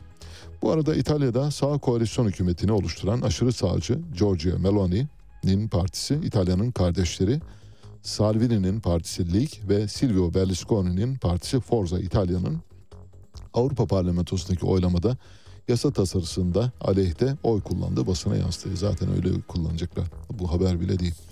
Türkiye Barolar Birliği Başkanı Erinç Sağkan, Yüksek Seçim Kurulu'nun seçim erteleme yetkisi yok diyor. Biraz önce de bahsettim. Bununla ilgili önümüzdeki günlerde pazartesi günü muhtemelen bir e, küçük çalışma yaptım. Size sunacağım. E, evet e, seçimlerin ertelenmesini ben de istemem. Yani seçimlerin normal zamanda yapılmasını isteriz. Deprem felaketi nedeniyle zorunlu bir erteleme, erteleme olacağı ortada. Bu ertelemenin hangi gerekçeyle yapılabileceği konusunda bir tartışma varsa o tartışmaya noktayı koyacak bir haber yapacağım size. Aktaracağım daha doğrusu. Bir anayasa mahkemesi kararı buldum. Anayasa Mahkemesi kararları anayasanın üzerinde iştihat niteliğindedir. Dolayısıyla anayasanın üzerindedir. O Anayasa Mahkemesi kararında aynen şöyle diyor. Bir cümle söyleyeceğim. Kalanını pazartesi günü paylaşırız. Diyor ki savaş, deprem ve benzeri büyük felaketler durumunda seçimler ertelenebilir diyor. Açık net. O yüzden hani böyle ertelenir mi ertelenmez mi diye düşünüyorsanız anayasal bir zemini var. Eğer hani bir kuşku taşıyorsanız açar o anayasa mahkemesi kararını e, okursunuz. Ben de zaten pazartesi günü bu anayasa mahkemesi kararını paylaşacağım sizinle. Deprem sonucu oluşacak toplam enkaz 230 milyon ton olacak. İşte burada hafriyat mafyası devreye girdi. Büyüklüğü Erciyes Dağı kadar. Şimdi Erciyes Dağı'nı ölçtüklerinden emin değilim. Erciyes Dağı'ndan daha büyük olabilme ihtimali var. Ayrıca onu belirteyim. Mesela şöyle diyebilirler miydi? Cilo, Süpan ve Ağrı Dağı büyüklüğünde bir hafriyat oluşacak. Eğer doğru rakamı bulmak gerekirse. Neyse haber şöyle. Çevre Bakanlığı yetkilileri ve atık yönetimi uzmanları deprem bölgesinde enkaz bertarafı çalışmalarına başladı. Bu kapsamda Amerika, Çin ve Meksika'dan örnekler incelendi. Atık yönetim uzmanı Ali Rıza Öner, Erciyes Dağı büyüklüğünde 230 milyon ton enkazın bertaraf sahalarına 11 milyon 500 bin kamyonla taşınacağını söyledi. 11 milyon 500 bin kamyon. 10 100 bin milyon kamyondan bahsediyoruz. Amerikalı gazeteci Seymour Hersh. Seymour Hersh büyük bir gazeteci. İnsanlık tarihi içinde önemli işler yaptı. Mesela Vietnam Savaşı sırasındaki e, hizmetleri unutulamaz.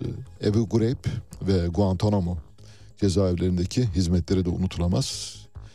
Kendisi Pulitzer özürlü bir gazeteci ve Seymour Hersh şöyle bir yakınma içinde. Diyor ki Amerikan basını kuzey akım boru hatları ile ilgili haberimi örtbas ediyor. Seymour Hersh'e yönelik büyük bir sansür mekanizması çalışıyor.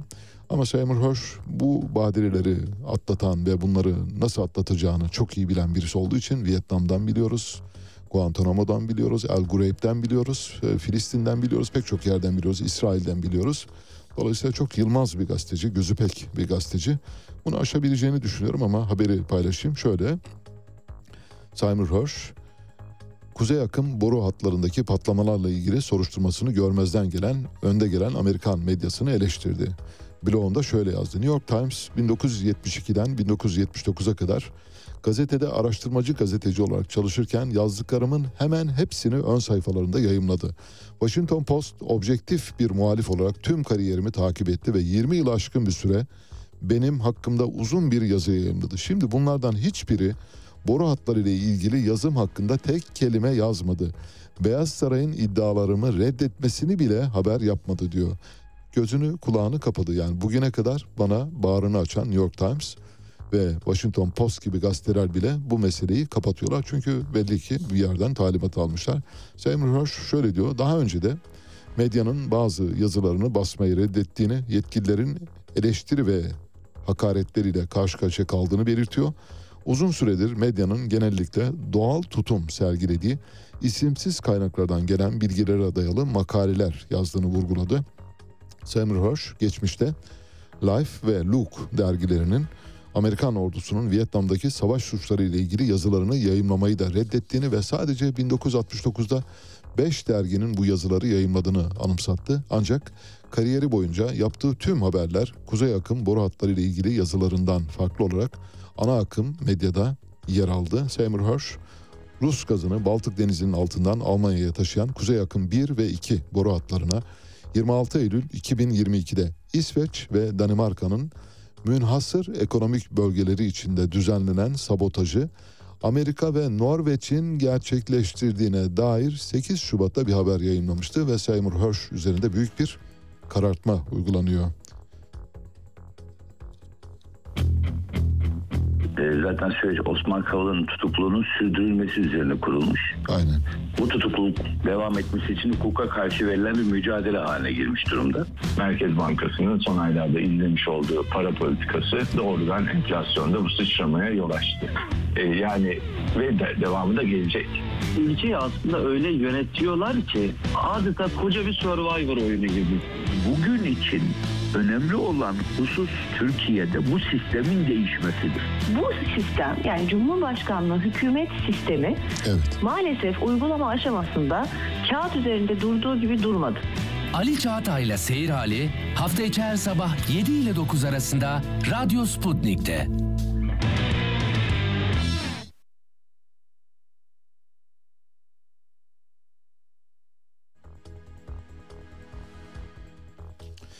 Evet şimdi Amerikan başkanlık seçimlerine bakacağız. Amerikan başkanlık seçimleriyle ilgili küçük bir çalışma yaptım sizin için.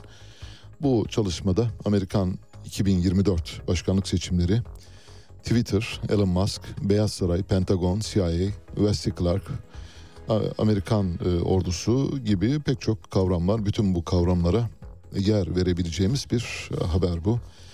Birazdan e, Wesley Clark'ın bir e, ses kaydı var. O ses kaydını dinleteceğim. Wesley Clark bildiğiniz gibi 2004 Amerikan e, Birleşik Devletleri başkanlık seçimlerinde Demokrat Parti'den aday adayı olan ancak umduğunu bulamayan e, ve bir dönemde NATO eski başkomutanı olarak görev yapan emekli bir general.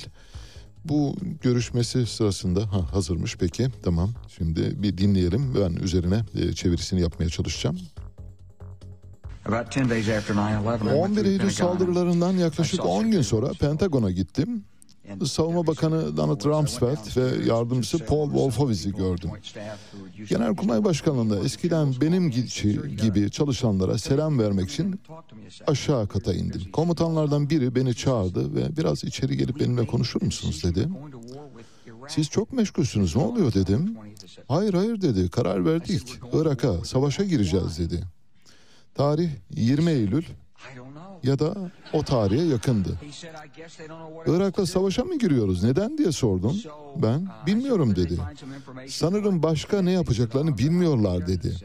Peki Saddam ve El-Kaide arasında herhangi bir bağlantı buldular mı diye sordum. Hayır hayır bu konuda bir gelişme yok. Sadece Irak'la savaşa girmeye karar verdiler. Sanırım şunun gibi teröristler konusunda ne yapacağımızı bilmiyoruz fakat iyi bir orduya sahibiz ve hükümetleri devirebiliriz. Sanırım sahip olduğun tek alet çekiçse her problemi çivi gibi görmek zorundasın. Birkaç hafta sonra onu görmek için geri geldim. O sırada Afganistan'ı bombalıyorduk. Hala Irak'ta savaşa girecek miyiz dedim. Ah dedi ondan da beter dedi. Masasına uzandı bir kağıt parçası aldı. Savunma Bakanı'nın ofisini kastederek bunu üst kattan aldım dedi. Yukarıyı gösterdi. Bu Irak'tan başlayarak Suriye, Lübnan, Libya, Somali, Sudan ve son olarak İran'la birlikte yedi ülkeyi nasıl ortadan kaldıracağımızı anlatan bir nottu diyor. Nasıl? Bir kez daha tekrarlayayım? Amerika savaşa girecek. Irak'a bir mazeret uydurmaya çalışıyor. Saddam'la El-Kaide arasında bir bağlantı olup olmadığını çözmeye çalışıyor. Ortada herhangi bir bağlantı yok. Bu arada Afganistan'a giriyor. Afganistan'ı işgal ediyor. Afganistan'da savaşı büyütüyor. Ama beri yanda Ramset bu işi yapıyor. Wesley Clark da diyor ki acaba diyor vaz mı geçtiler yani Irak'a girmekten diyor. Yok diyor daha kötüsü var diyor. Nedir diyor daha kötüsü? Şimdi diyor Irak'tan başlayarak Suriye, Lübnan, Libya, Somali, Sudan ve en son İran'la birlikte 7 ülkeyi nasıl ortadan kaldıracağımızı anlatan bir not vardı diyor elinde. Bu nota ben bir ilavede bulunacağım. Amerikan eski Dışişleri Bakanlarından Condoleezza Rice. Hatırlar mısınız? Condoleezza Rice bir konuşması sırasında dedi ki bu ülkeler arasında Türkiye'yi de katmıştı. O da bir konuşmasında biz Orta Doğu'yu yeniden çekip çevireceğiz. Yeni Orta Doğu projesi kapsamında aralarında Türkiye'nin de bulunduğu bütün ülkelere ayar vereceğiz demişti. İşte bu tarih bunu gösteriyor. Dolayısıyla yakında ve üzerimize gelen bir tren olduğunu göremiyorsanız bu muhtemelen sizin göz ayarlarınıza ilgilidir ya da görme yetinizle ilgilidir. Her şey son derece açık. Bildiğiniz gibi biz John Perkins'in bir ekonomik tetikçinin itirafları dizisinde dört diziyi sizinle yorumlayarak paylaştık yayında hatırlarsanız. Bu biraz önceki Wesley Clark'ın konuşması tıpkı böyle bir House of Cards efekti yaratıyor değil mi? House of Cards'ta yapılan bir konuşma gibi. Hatta hatta House of Cards bu tür efektleri çok kullanıyor. Eğer izlerseniz oradan göreceksiniz. John Perkins şöyle diyor. Bir ülkeyi Amerika ele geçirmek istiyorsa, bir ülkenin kaynaklarını sömürmek istiyorsa üç yola başvurur diyor. Birinci yol önce o ülkeye bir ikna heyeti gönderir. Bu ikna heyeti gider şöyle bir çalışma yapar. Der ki sizin ülkenizin kalkınma büyüme hızı nedir? Yüzde beş. Biz sizin ülkenizi senede yüzde on büyütecek bir projeyle geldik. Öyle mi? Hay Allah peki açıklayın dersiniz. Derler ki şu kadar köprü, şu kadar otoyol, şu kadar baraj, şu kadar tünel, şu kadar e, havaalanı yapacaksınız ve kalkınma, büyüme hızınız buraya çıkacak. Gerçekten onları yaptığınız zaman büyüme hızınız ikiye katlanabilir ya da onların öngördüğü. Bu bir ikna heyetidir. Bu ikna heyetinin içinde ekonomistler, finansal analistler, şehir plancıları, mimarlar, mühendisler, teknologlar ve e, her türlü e, şirket yapılanmasında görev almış CFO'lar vardır. Eğer ikna olmadıysanız bu defa çıkar giderler derler ki bizim önümüzde bir engel var. Irak'ta şöyle bir adam var bu adamı ortadan kaldırmamız lazım. Kim o adam? Saddam Hüseyin. Saddam Hüseyin'i ortadan kaldırırlar. Saddam Hüseyin'i birkaç kez suikast düzenlendi biliyorsunuz. Suikast ve benzeri yollarla yani tetikçilerle, sniperlarla ortadan kaldıramayınca ne yapıyor Amerika? Eğer bir ülkenin ordusu kendi hükümetini devirmeye muktedir ise orduya talimat veriyor. Muktedir değilse Kendisi bizzat geliyor Amerikan çizmeleriyle o toprağı işgal ediyor. Nerede oldu? Afganistan'da oldu. Nerede oldu? Irak'ta oldu. Nerede oldu? Libya'da oldu. Nerede oldu? Tunus'ta oldu buralarda. Dolayısıyla oraya doğru gidiyor. İşte bu konuşma bize bunu söylüyor. Mesela Pakistan'da da bunu şöyle yaptı. Pakistan'da e, askerini göndermedi ama orada mesela Amerikan karşıtı İmran Han başbakanı devirdi bir parlamento darbesiyle. Yerine kimi getirdi? Hırsızların şahı Şahbaz Şerif'i getirdi. Şahbaz Şerif şu anda Amerikan çıkarlarını temsil eden bir Pakistan Başbakanı. Türkiye'de ne yapmıştı Amerika Birleşik Devletleri? Demirel'i ikna edemeyince Süleyman Demirel'i darbe yapıp Kenan Evren'i getirdi ve istediklerini yaptırdı. Evet böylece ufak ufak geliyoruz. 3 dakika sonra telefonumuz olacak. Şimdi Mike Pence 2024'te Amerikan başkanlığına adaylığını açıkladı. Mike Pence kim derseniz kendisi 1959 doğumlu. Michael Richard Pence diye geçiyor. Tam adı Michael Richard Pence. Amerika Birleşik Devletleri'nin 48. Başkan Yardımcısı ve politikacı, avukat aynı zamanda. 2013'ten 2017'ye kadar Indiana'nın el, valisi olarak görev yaptı. 2001'den 2013'e kadar da Amerikan Temsilciler Meclisi'nde görev yapıyor. Cumhuriyetçi Parti'nin başkan adayı Donald Trump başkan yardımcısı olarak Michael Pence'i seçmişti o dönemde ve Michael Pence yeni başkan Joe Biden'la birlikte görevini kime devretti? Kamala Harris'a devretti. Şimdi başkanlık koltuğuna doğru yürüyor. Seçim ne zaman olacak? 5 Kasım 2024'te olacak. 5 Kasım 2024 Salı günü gerçekleştirilecek 60. Amerikan başkanlık seçimlerinde seçmenlerin geleceği Seçiciler Kurulu tarafından belirlenecek ve seçimlerden galip çıkan kişi 20 Ocak 2025'te göreve başlayacak. Bildiğiniz gibi Amerika'da seçimlerin yapılmasıyla yeni başkanın göreve başlaması arasındaki döneme lame duck dönemi diyoruz. Yani o dönemde iki başkan vardır. Bir tanesi seçilmiş ama yetkisiz, öteki yetkisiz ama seçilmiş başkan olarak bulunuyor. Eski başkan yetkilerini kullanamaz durumda fakat başkan olarak gözüküyor. Yeni başkansa yetkilerini kullanamıyor ama seçilmiş başkan olarak görev yapıyor. İşte bu döneme yani 5 Kasım'dan 20 Ocağı kadar olan dönemdeki yönetim biçimine duck, topal ördek dönemi diyorlar. Tek ayağının üzerine basan bir ördekten bahsediyoruz.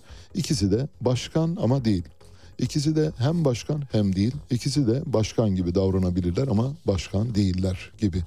Bu dönemi Amerikan e, her yıl e, yaşar mutat olarak lemdak deyiminin de böyle Türkçe'ye yanlış tercüme edilerek olur olmaz yerde kullanıldığını bildiğim için bu ayrıntıyı verme gereğini duydum. Peki hazırsak telefon bağlantısı saatimiz geldi. Telefon bağlantısını deprem bölgesiyle ilgili konulara ayırdık. Deprem bölgesinde enkaz kaldırma çalışmaları sürüyor. Enkaz kaldırmanın elbette bir mecburiyet olduğunu biliyoruz ancak enkaz ne zaman kaldırılmalı ya da ne zaman kaldırılması gerekiyor sorusu ortada. Bunu bir hukukçuya soracağız. Çünkü enkaz aynı zamanda ipucudur ya da e, delildir, kanıttır. Eğer delilleri, kanıtları ortadan kaldırırsanız yarın öbür gün dava açmanıza yarayacak herhangi bir şey kalmaz elinizde. Bu konuya dikkat çeken bir hukukçu var. Kendileri bu konuda bir çalışma yürüttüler. Bendeniz de bu çalışmayı gördüm ve kendisiyle bir yayın yapalım dedik. Ee, Avukat Mehmet Gün, Daha İyi Yargı Derneği Başkanı. Mehmet Bey hoş geldiniz. Merhabalar Ali Bey, günaydın, iyi yayınlar. Türkiye'nin başı sağ olsun, hepimize geçmiş olsun. Allah tekrarından esirgesin diyelim. Amin, çok teşekkürler. Eğer e, radyo ya da herhangi bir e, alıcınız açıksa onu kapatırsanız bir e, yankılama oluyor, bir e, sinyal yankılaması gördüm. E, değilse... E, açık bir şey yok, her şey Tamam, kapalı. peki o zaman sorun yok demektir. İlk açılışta öyle bir şey duydum, çınlama duydum o bakımdan. Şimdi yaklaşık 15 dakika vaktimiz var Mehmet Bey.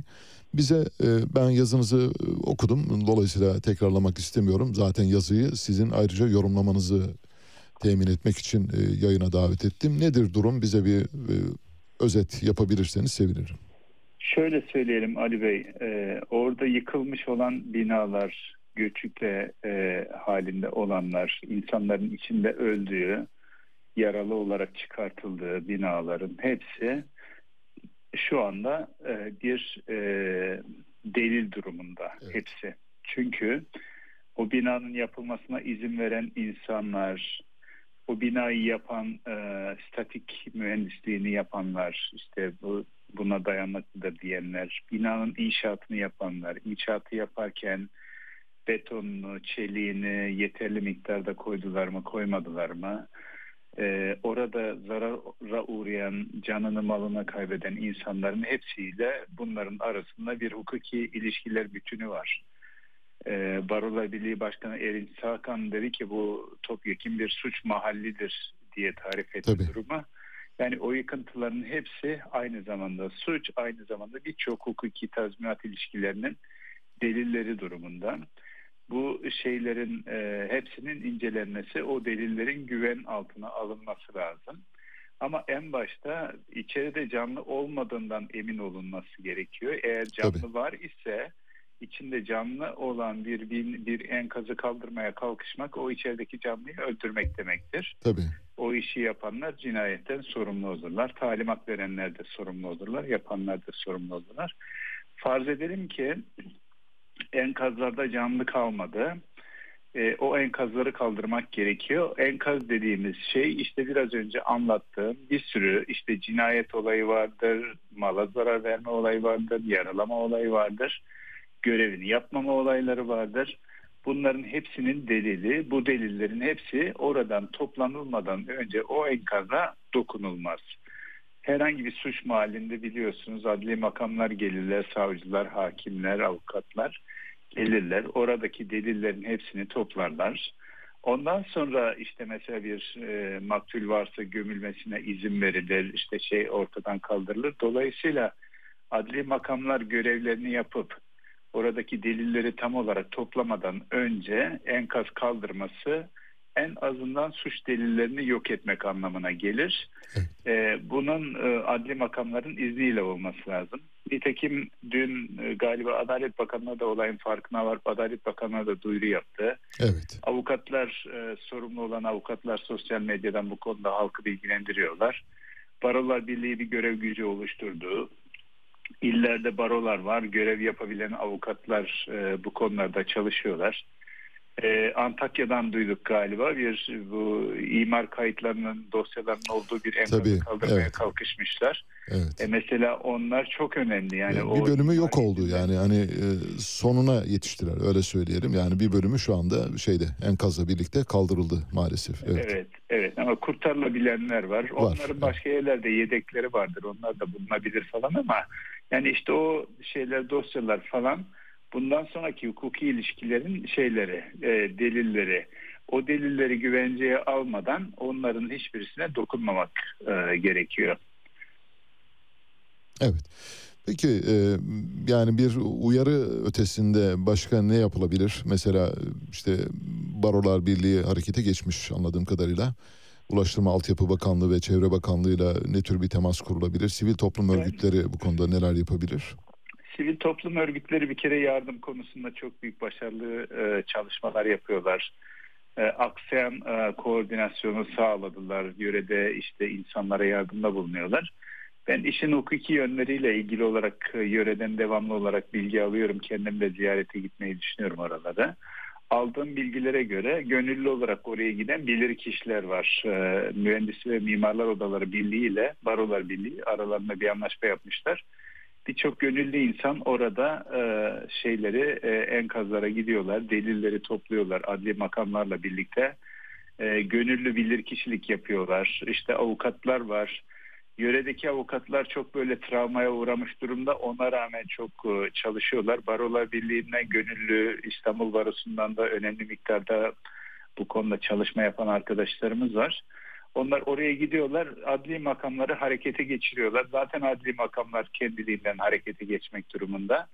Ee, e, bunlar ama yeterli olmayabilir. Bence bu şeylerin tespiti yapılıncaya kadar 40 bin küsür bina var. Evet. Adalet Bakanlığı 150 küsür tane ilave savcı görevlendirmişti. Bence bin tane savcı görevlendirsin. Onların hepsi gitsin ve 40 bin küsür binanın her birisinin delilleri eksiksiz olarak tespit edilsin. Ondan sonra e, hızlıca enkaz kaldırmaya girişilsin diye e, düşünüyorum. Evet. E, peki bu yönde gelen şikayetler var mı? Mesela sizin gözlemlerinizde hem avukat arkadaşlarınızdan hem e, depreme e, maruz kalan bölgeden e, insanlardan gelen şikayetler var mı e, size ulaşan? Şöyle şeyler e, duyuyorum mesela. E, Antakya'dan duydum mesela.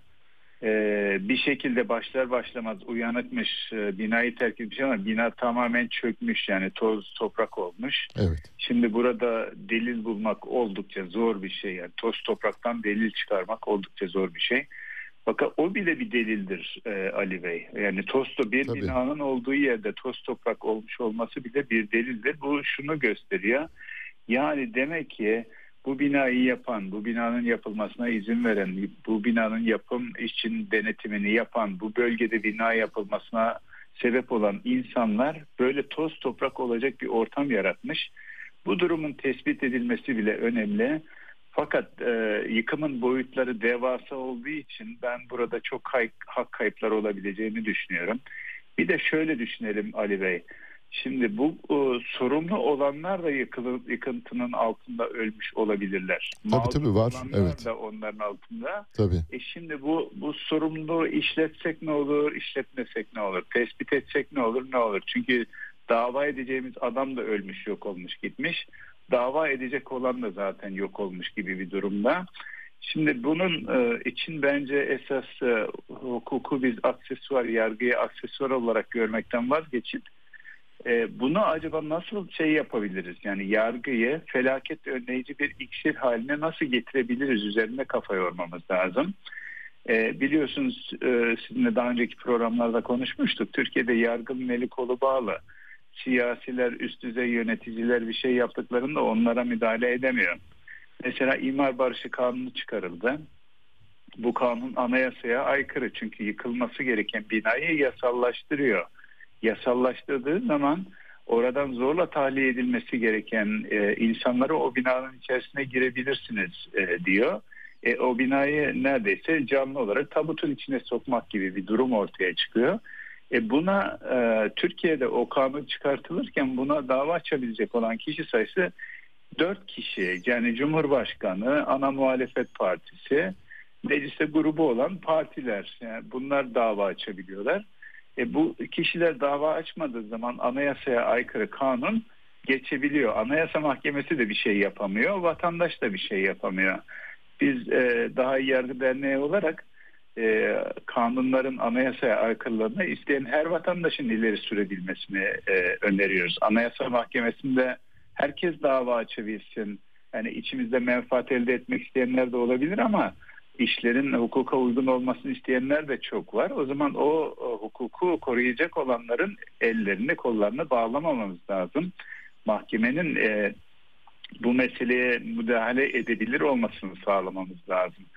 Bir başka taraftan biliyorsunuz üst düzey e, kamu yöneticileri e, yaptıkları şeylerden dolayı işledikleri suçlardan dolayı soruşturulabilmesi için amirlere olan e, siyasi bakanların Cumhurbaşkanı'nın izin vermesi gerekiyor. Evet. Mesela AFAD Başkanı hakkında bir dava açılabilmesi için burada bana göre büyük bir ihmal var.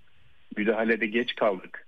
Bunun sonucunda ilave insan öldü. Kurtarabileceğimiz insanları kaybettik mesela o ölümlerden. Evet. Bence AFAD ve diğerleri görevi ihmalden dolayı sorumlular. Ama bunlar hakkında dava açabilmesi için soruşturma açılabilmesi için Cumhurbaşkanı'nın izin vermesi gerekiyor. Vermeyeceğini de tahmin edebiliriz.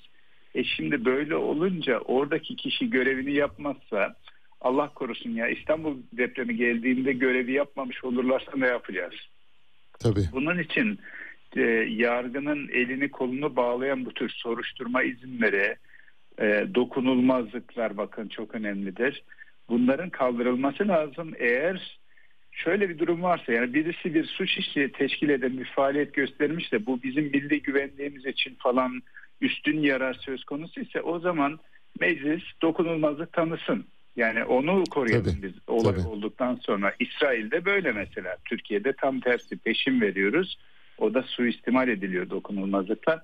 Bunların tamamen kaldırılması, yargının özgürleştirilmesi, işini yapabilir hale gelmesi lazım. Bunlar olursa o zaman yargı şöyle bir işlev gösterir. Görevini yapmayanların görevini zamanında ve düzgün yapmalarını sağlar. Yapmayanların soruşturulmasını ve e, kabahatlerinin ortaya çıkarak değiştirilmesini sağlar. Böylelikle e, özgür yargı felaketlere karşı bir iksir haline gelebilir. Böyle bir sisteme doğru Türkiye'nin evrilmesi lazım. Bu olaydan, önceki olaydan böyle dersler çıkararak kendi yönetim sistemimizi geliştirmemiz lazım. Esas oralarda olduğunu e, düşünüyorum. Yıkıldıktan sonra, canlar gittikten sonra, sorumlu olan da öldükten sonra, mağdur olanlar da öldükten sonra hangi davayı açacağız da kimi sorumlu tutacağız da ne fayda elde edeceğiz? Değil mi? Oraya harcayacağımız Tabii. enerjiyi bu olaylar olmadan önce yani deprem evet önleyemiyoruz ama depremde hasar oluşmasını önleyebiliriz. Bunun yolu da herkesin hasarı oluşturacak şekilde davranmasını sağlamak toplumda. Yargının görevi bu davranışların düzgün olmasını sağlamak. E, yar, e, yargının elini kolunu bağlarsak insanlar istediklerini yapsınlar sonra belki gideriz onlara ceza veririz. E, Soma maden faciasında Pamukova tren kazasında Anayasa Mahkemesi karar verdi. Esas sorumlular yargı önüne çıkarılmadı diye. Pamukova tren kazasına e, neden olan talimatları veren dönemin başbakanıyla o zamanki TCD'de genel müdürü yargılanmadı. Suçları zaman aşımına uğradı. Tabii. Bakın bu imar barışını çıkaran kişi var ya isim söylemeyeceğim ben. İmar barışı kanunu çıkaran kişi e, aynı dönemdeki aynı kişidir başbakan. Bu kişi asla yargılanmayacak. Asla ona hesap sorulmayacak. Geçen gün BBC Türkçe'de haber vardı. Evet. Yani imar barışından dolayı 7 milyon bina başvurmuş. Herhalde hepsine verildi bu yapı bedeli aldılar. Muhtemelen evet. Evet e, BBC hesap etmiş 24 milyar TL toplamışlar bunun karşılığında. Yani hazinenin sıkıntısı olduğu için imar barışı diye bir yöntem bulmuşlar anayasaya Tabii. aykırı. Anayasaya aykırı yönteme vatandaş sesini çıkaramıyor, dava açamıyor. Anayasa Mahkemesi orada duruyor, hiçbir şey yapamıyor. Vatandaş bir şey yapamıyor. Bu 3-4 kişi anayasaya aykırı kanun çıkarıyor. Hazineyi zayıflatmışlar. Bunun karşılığında 24 milyar lira paraya e, e, muhtaç olmuşlar. Bunun için de vatandaşın canını tehlikeye atıyorlar. E şimdi geçen gün Türk Konfet e, bir rapor yayınladı. Evet. Yani bölgedeki e, milli 84,5 milyar dolar diyor. Evet. %10 civarında olabilir. Belki daha fazla olabilir. E, insan kaybı çok yüksek rakamlara çıkabilir. Rakam söylemek istemiyorum. Çok canım yanıyor çünkü. Yaralılarımızın ne olduğu belli değil. Milyonlarca insan bölgeden dalga dalga başka yerlere göçmekte şu anda. Yani 1 milyon 200 bin kişi şu anda oradan e, göçmüş diye tahmin ediliyor. E bütün bunlar 24 milyar liraya değer miydi Ali Bey? Değmez. Tabii. Hiç Yani değmez. değer mi 24 Evet. milyar liraya? Peki. Oradaki başbakan koltuğunda oturmak 24 milyar liraya değer mi? Değmez. Yani Evet. mühendisim diyor bilmem ne üniversitesine gitmedim şu sebepten dolayı.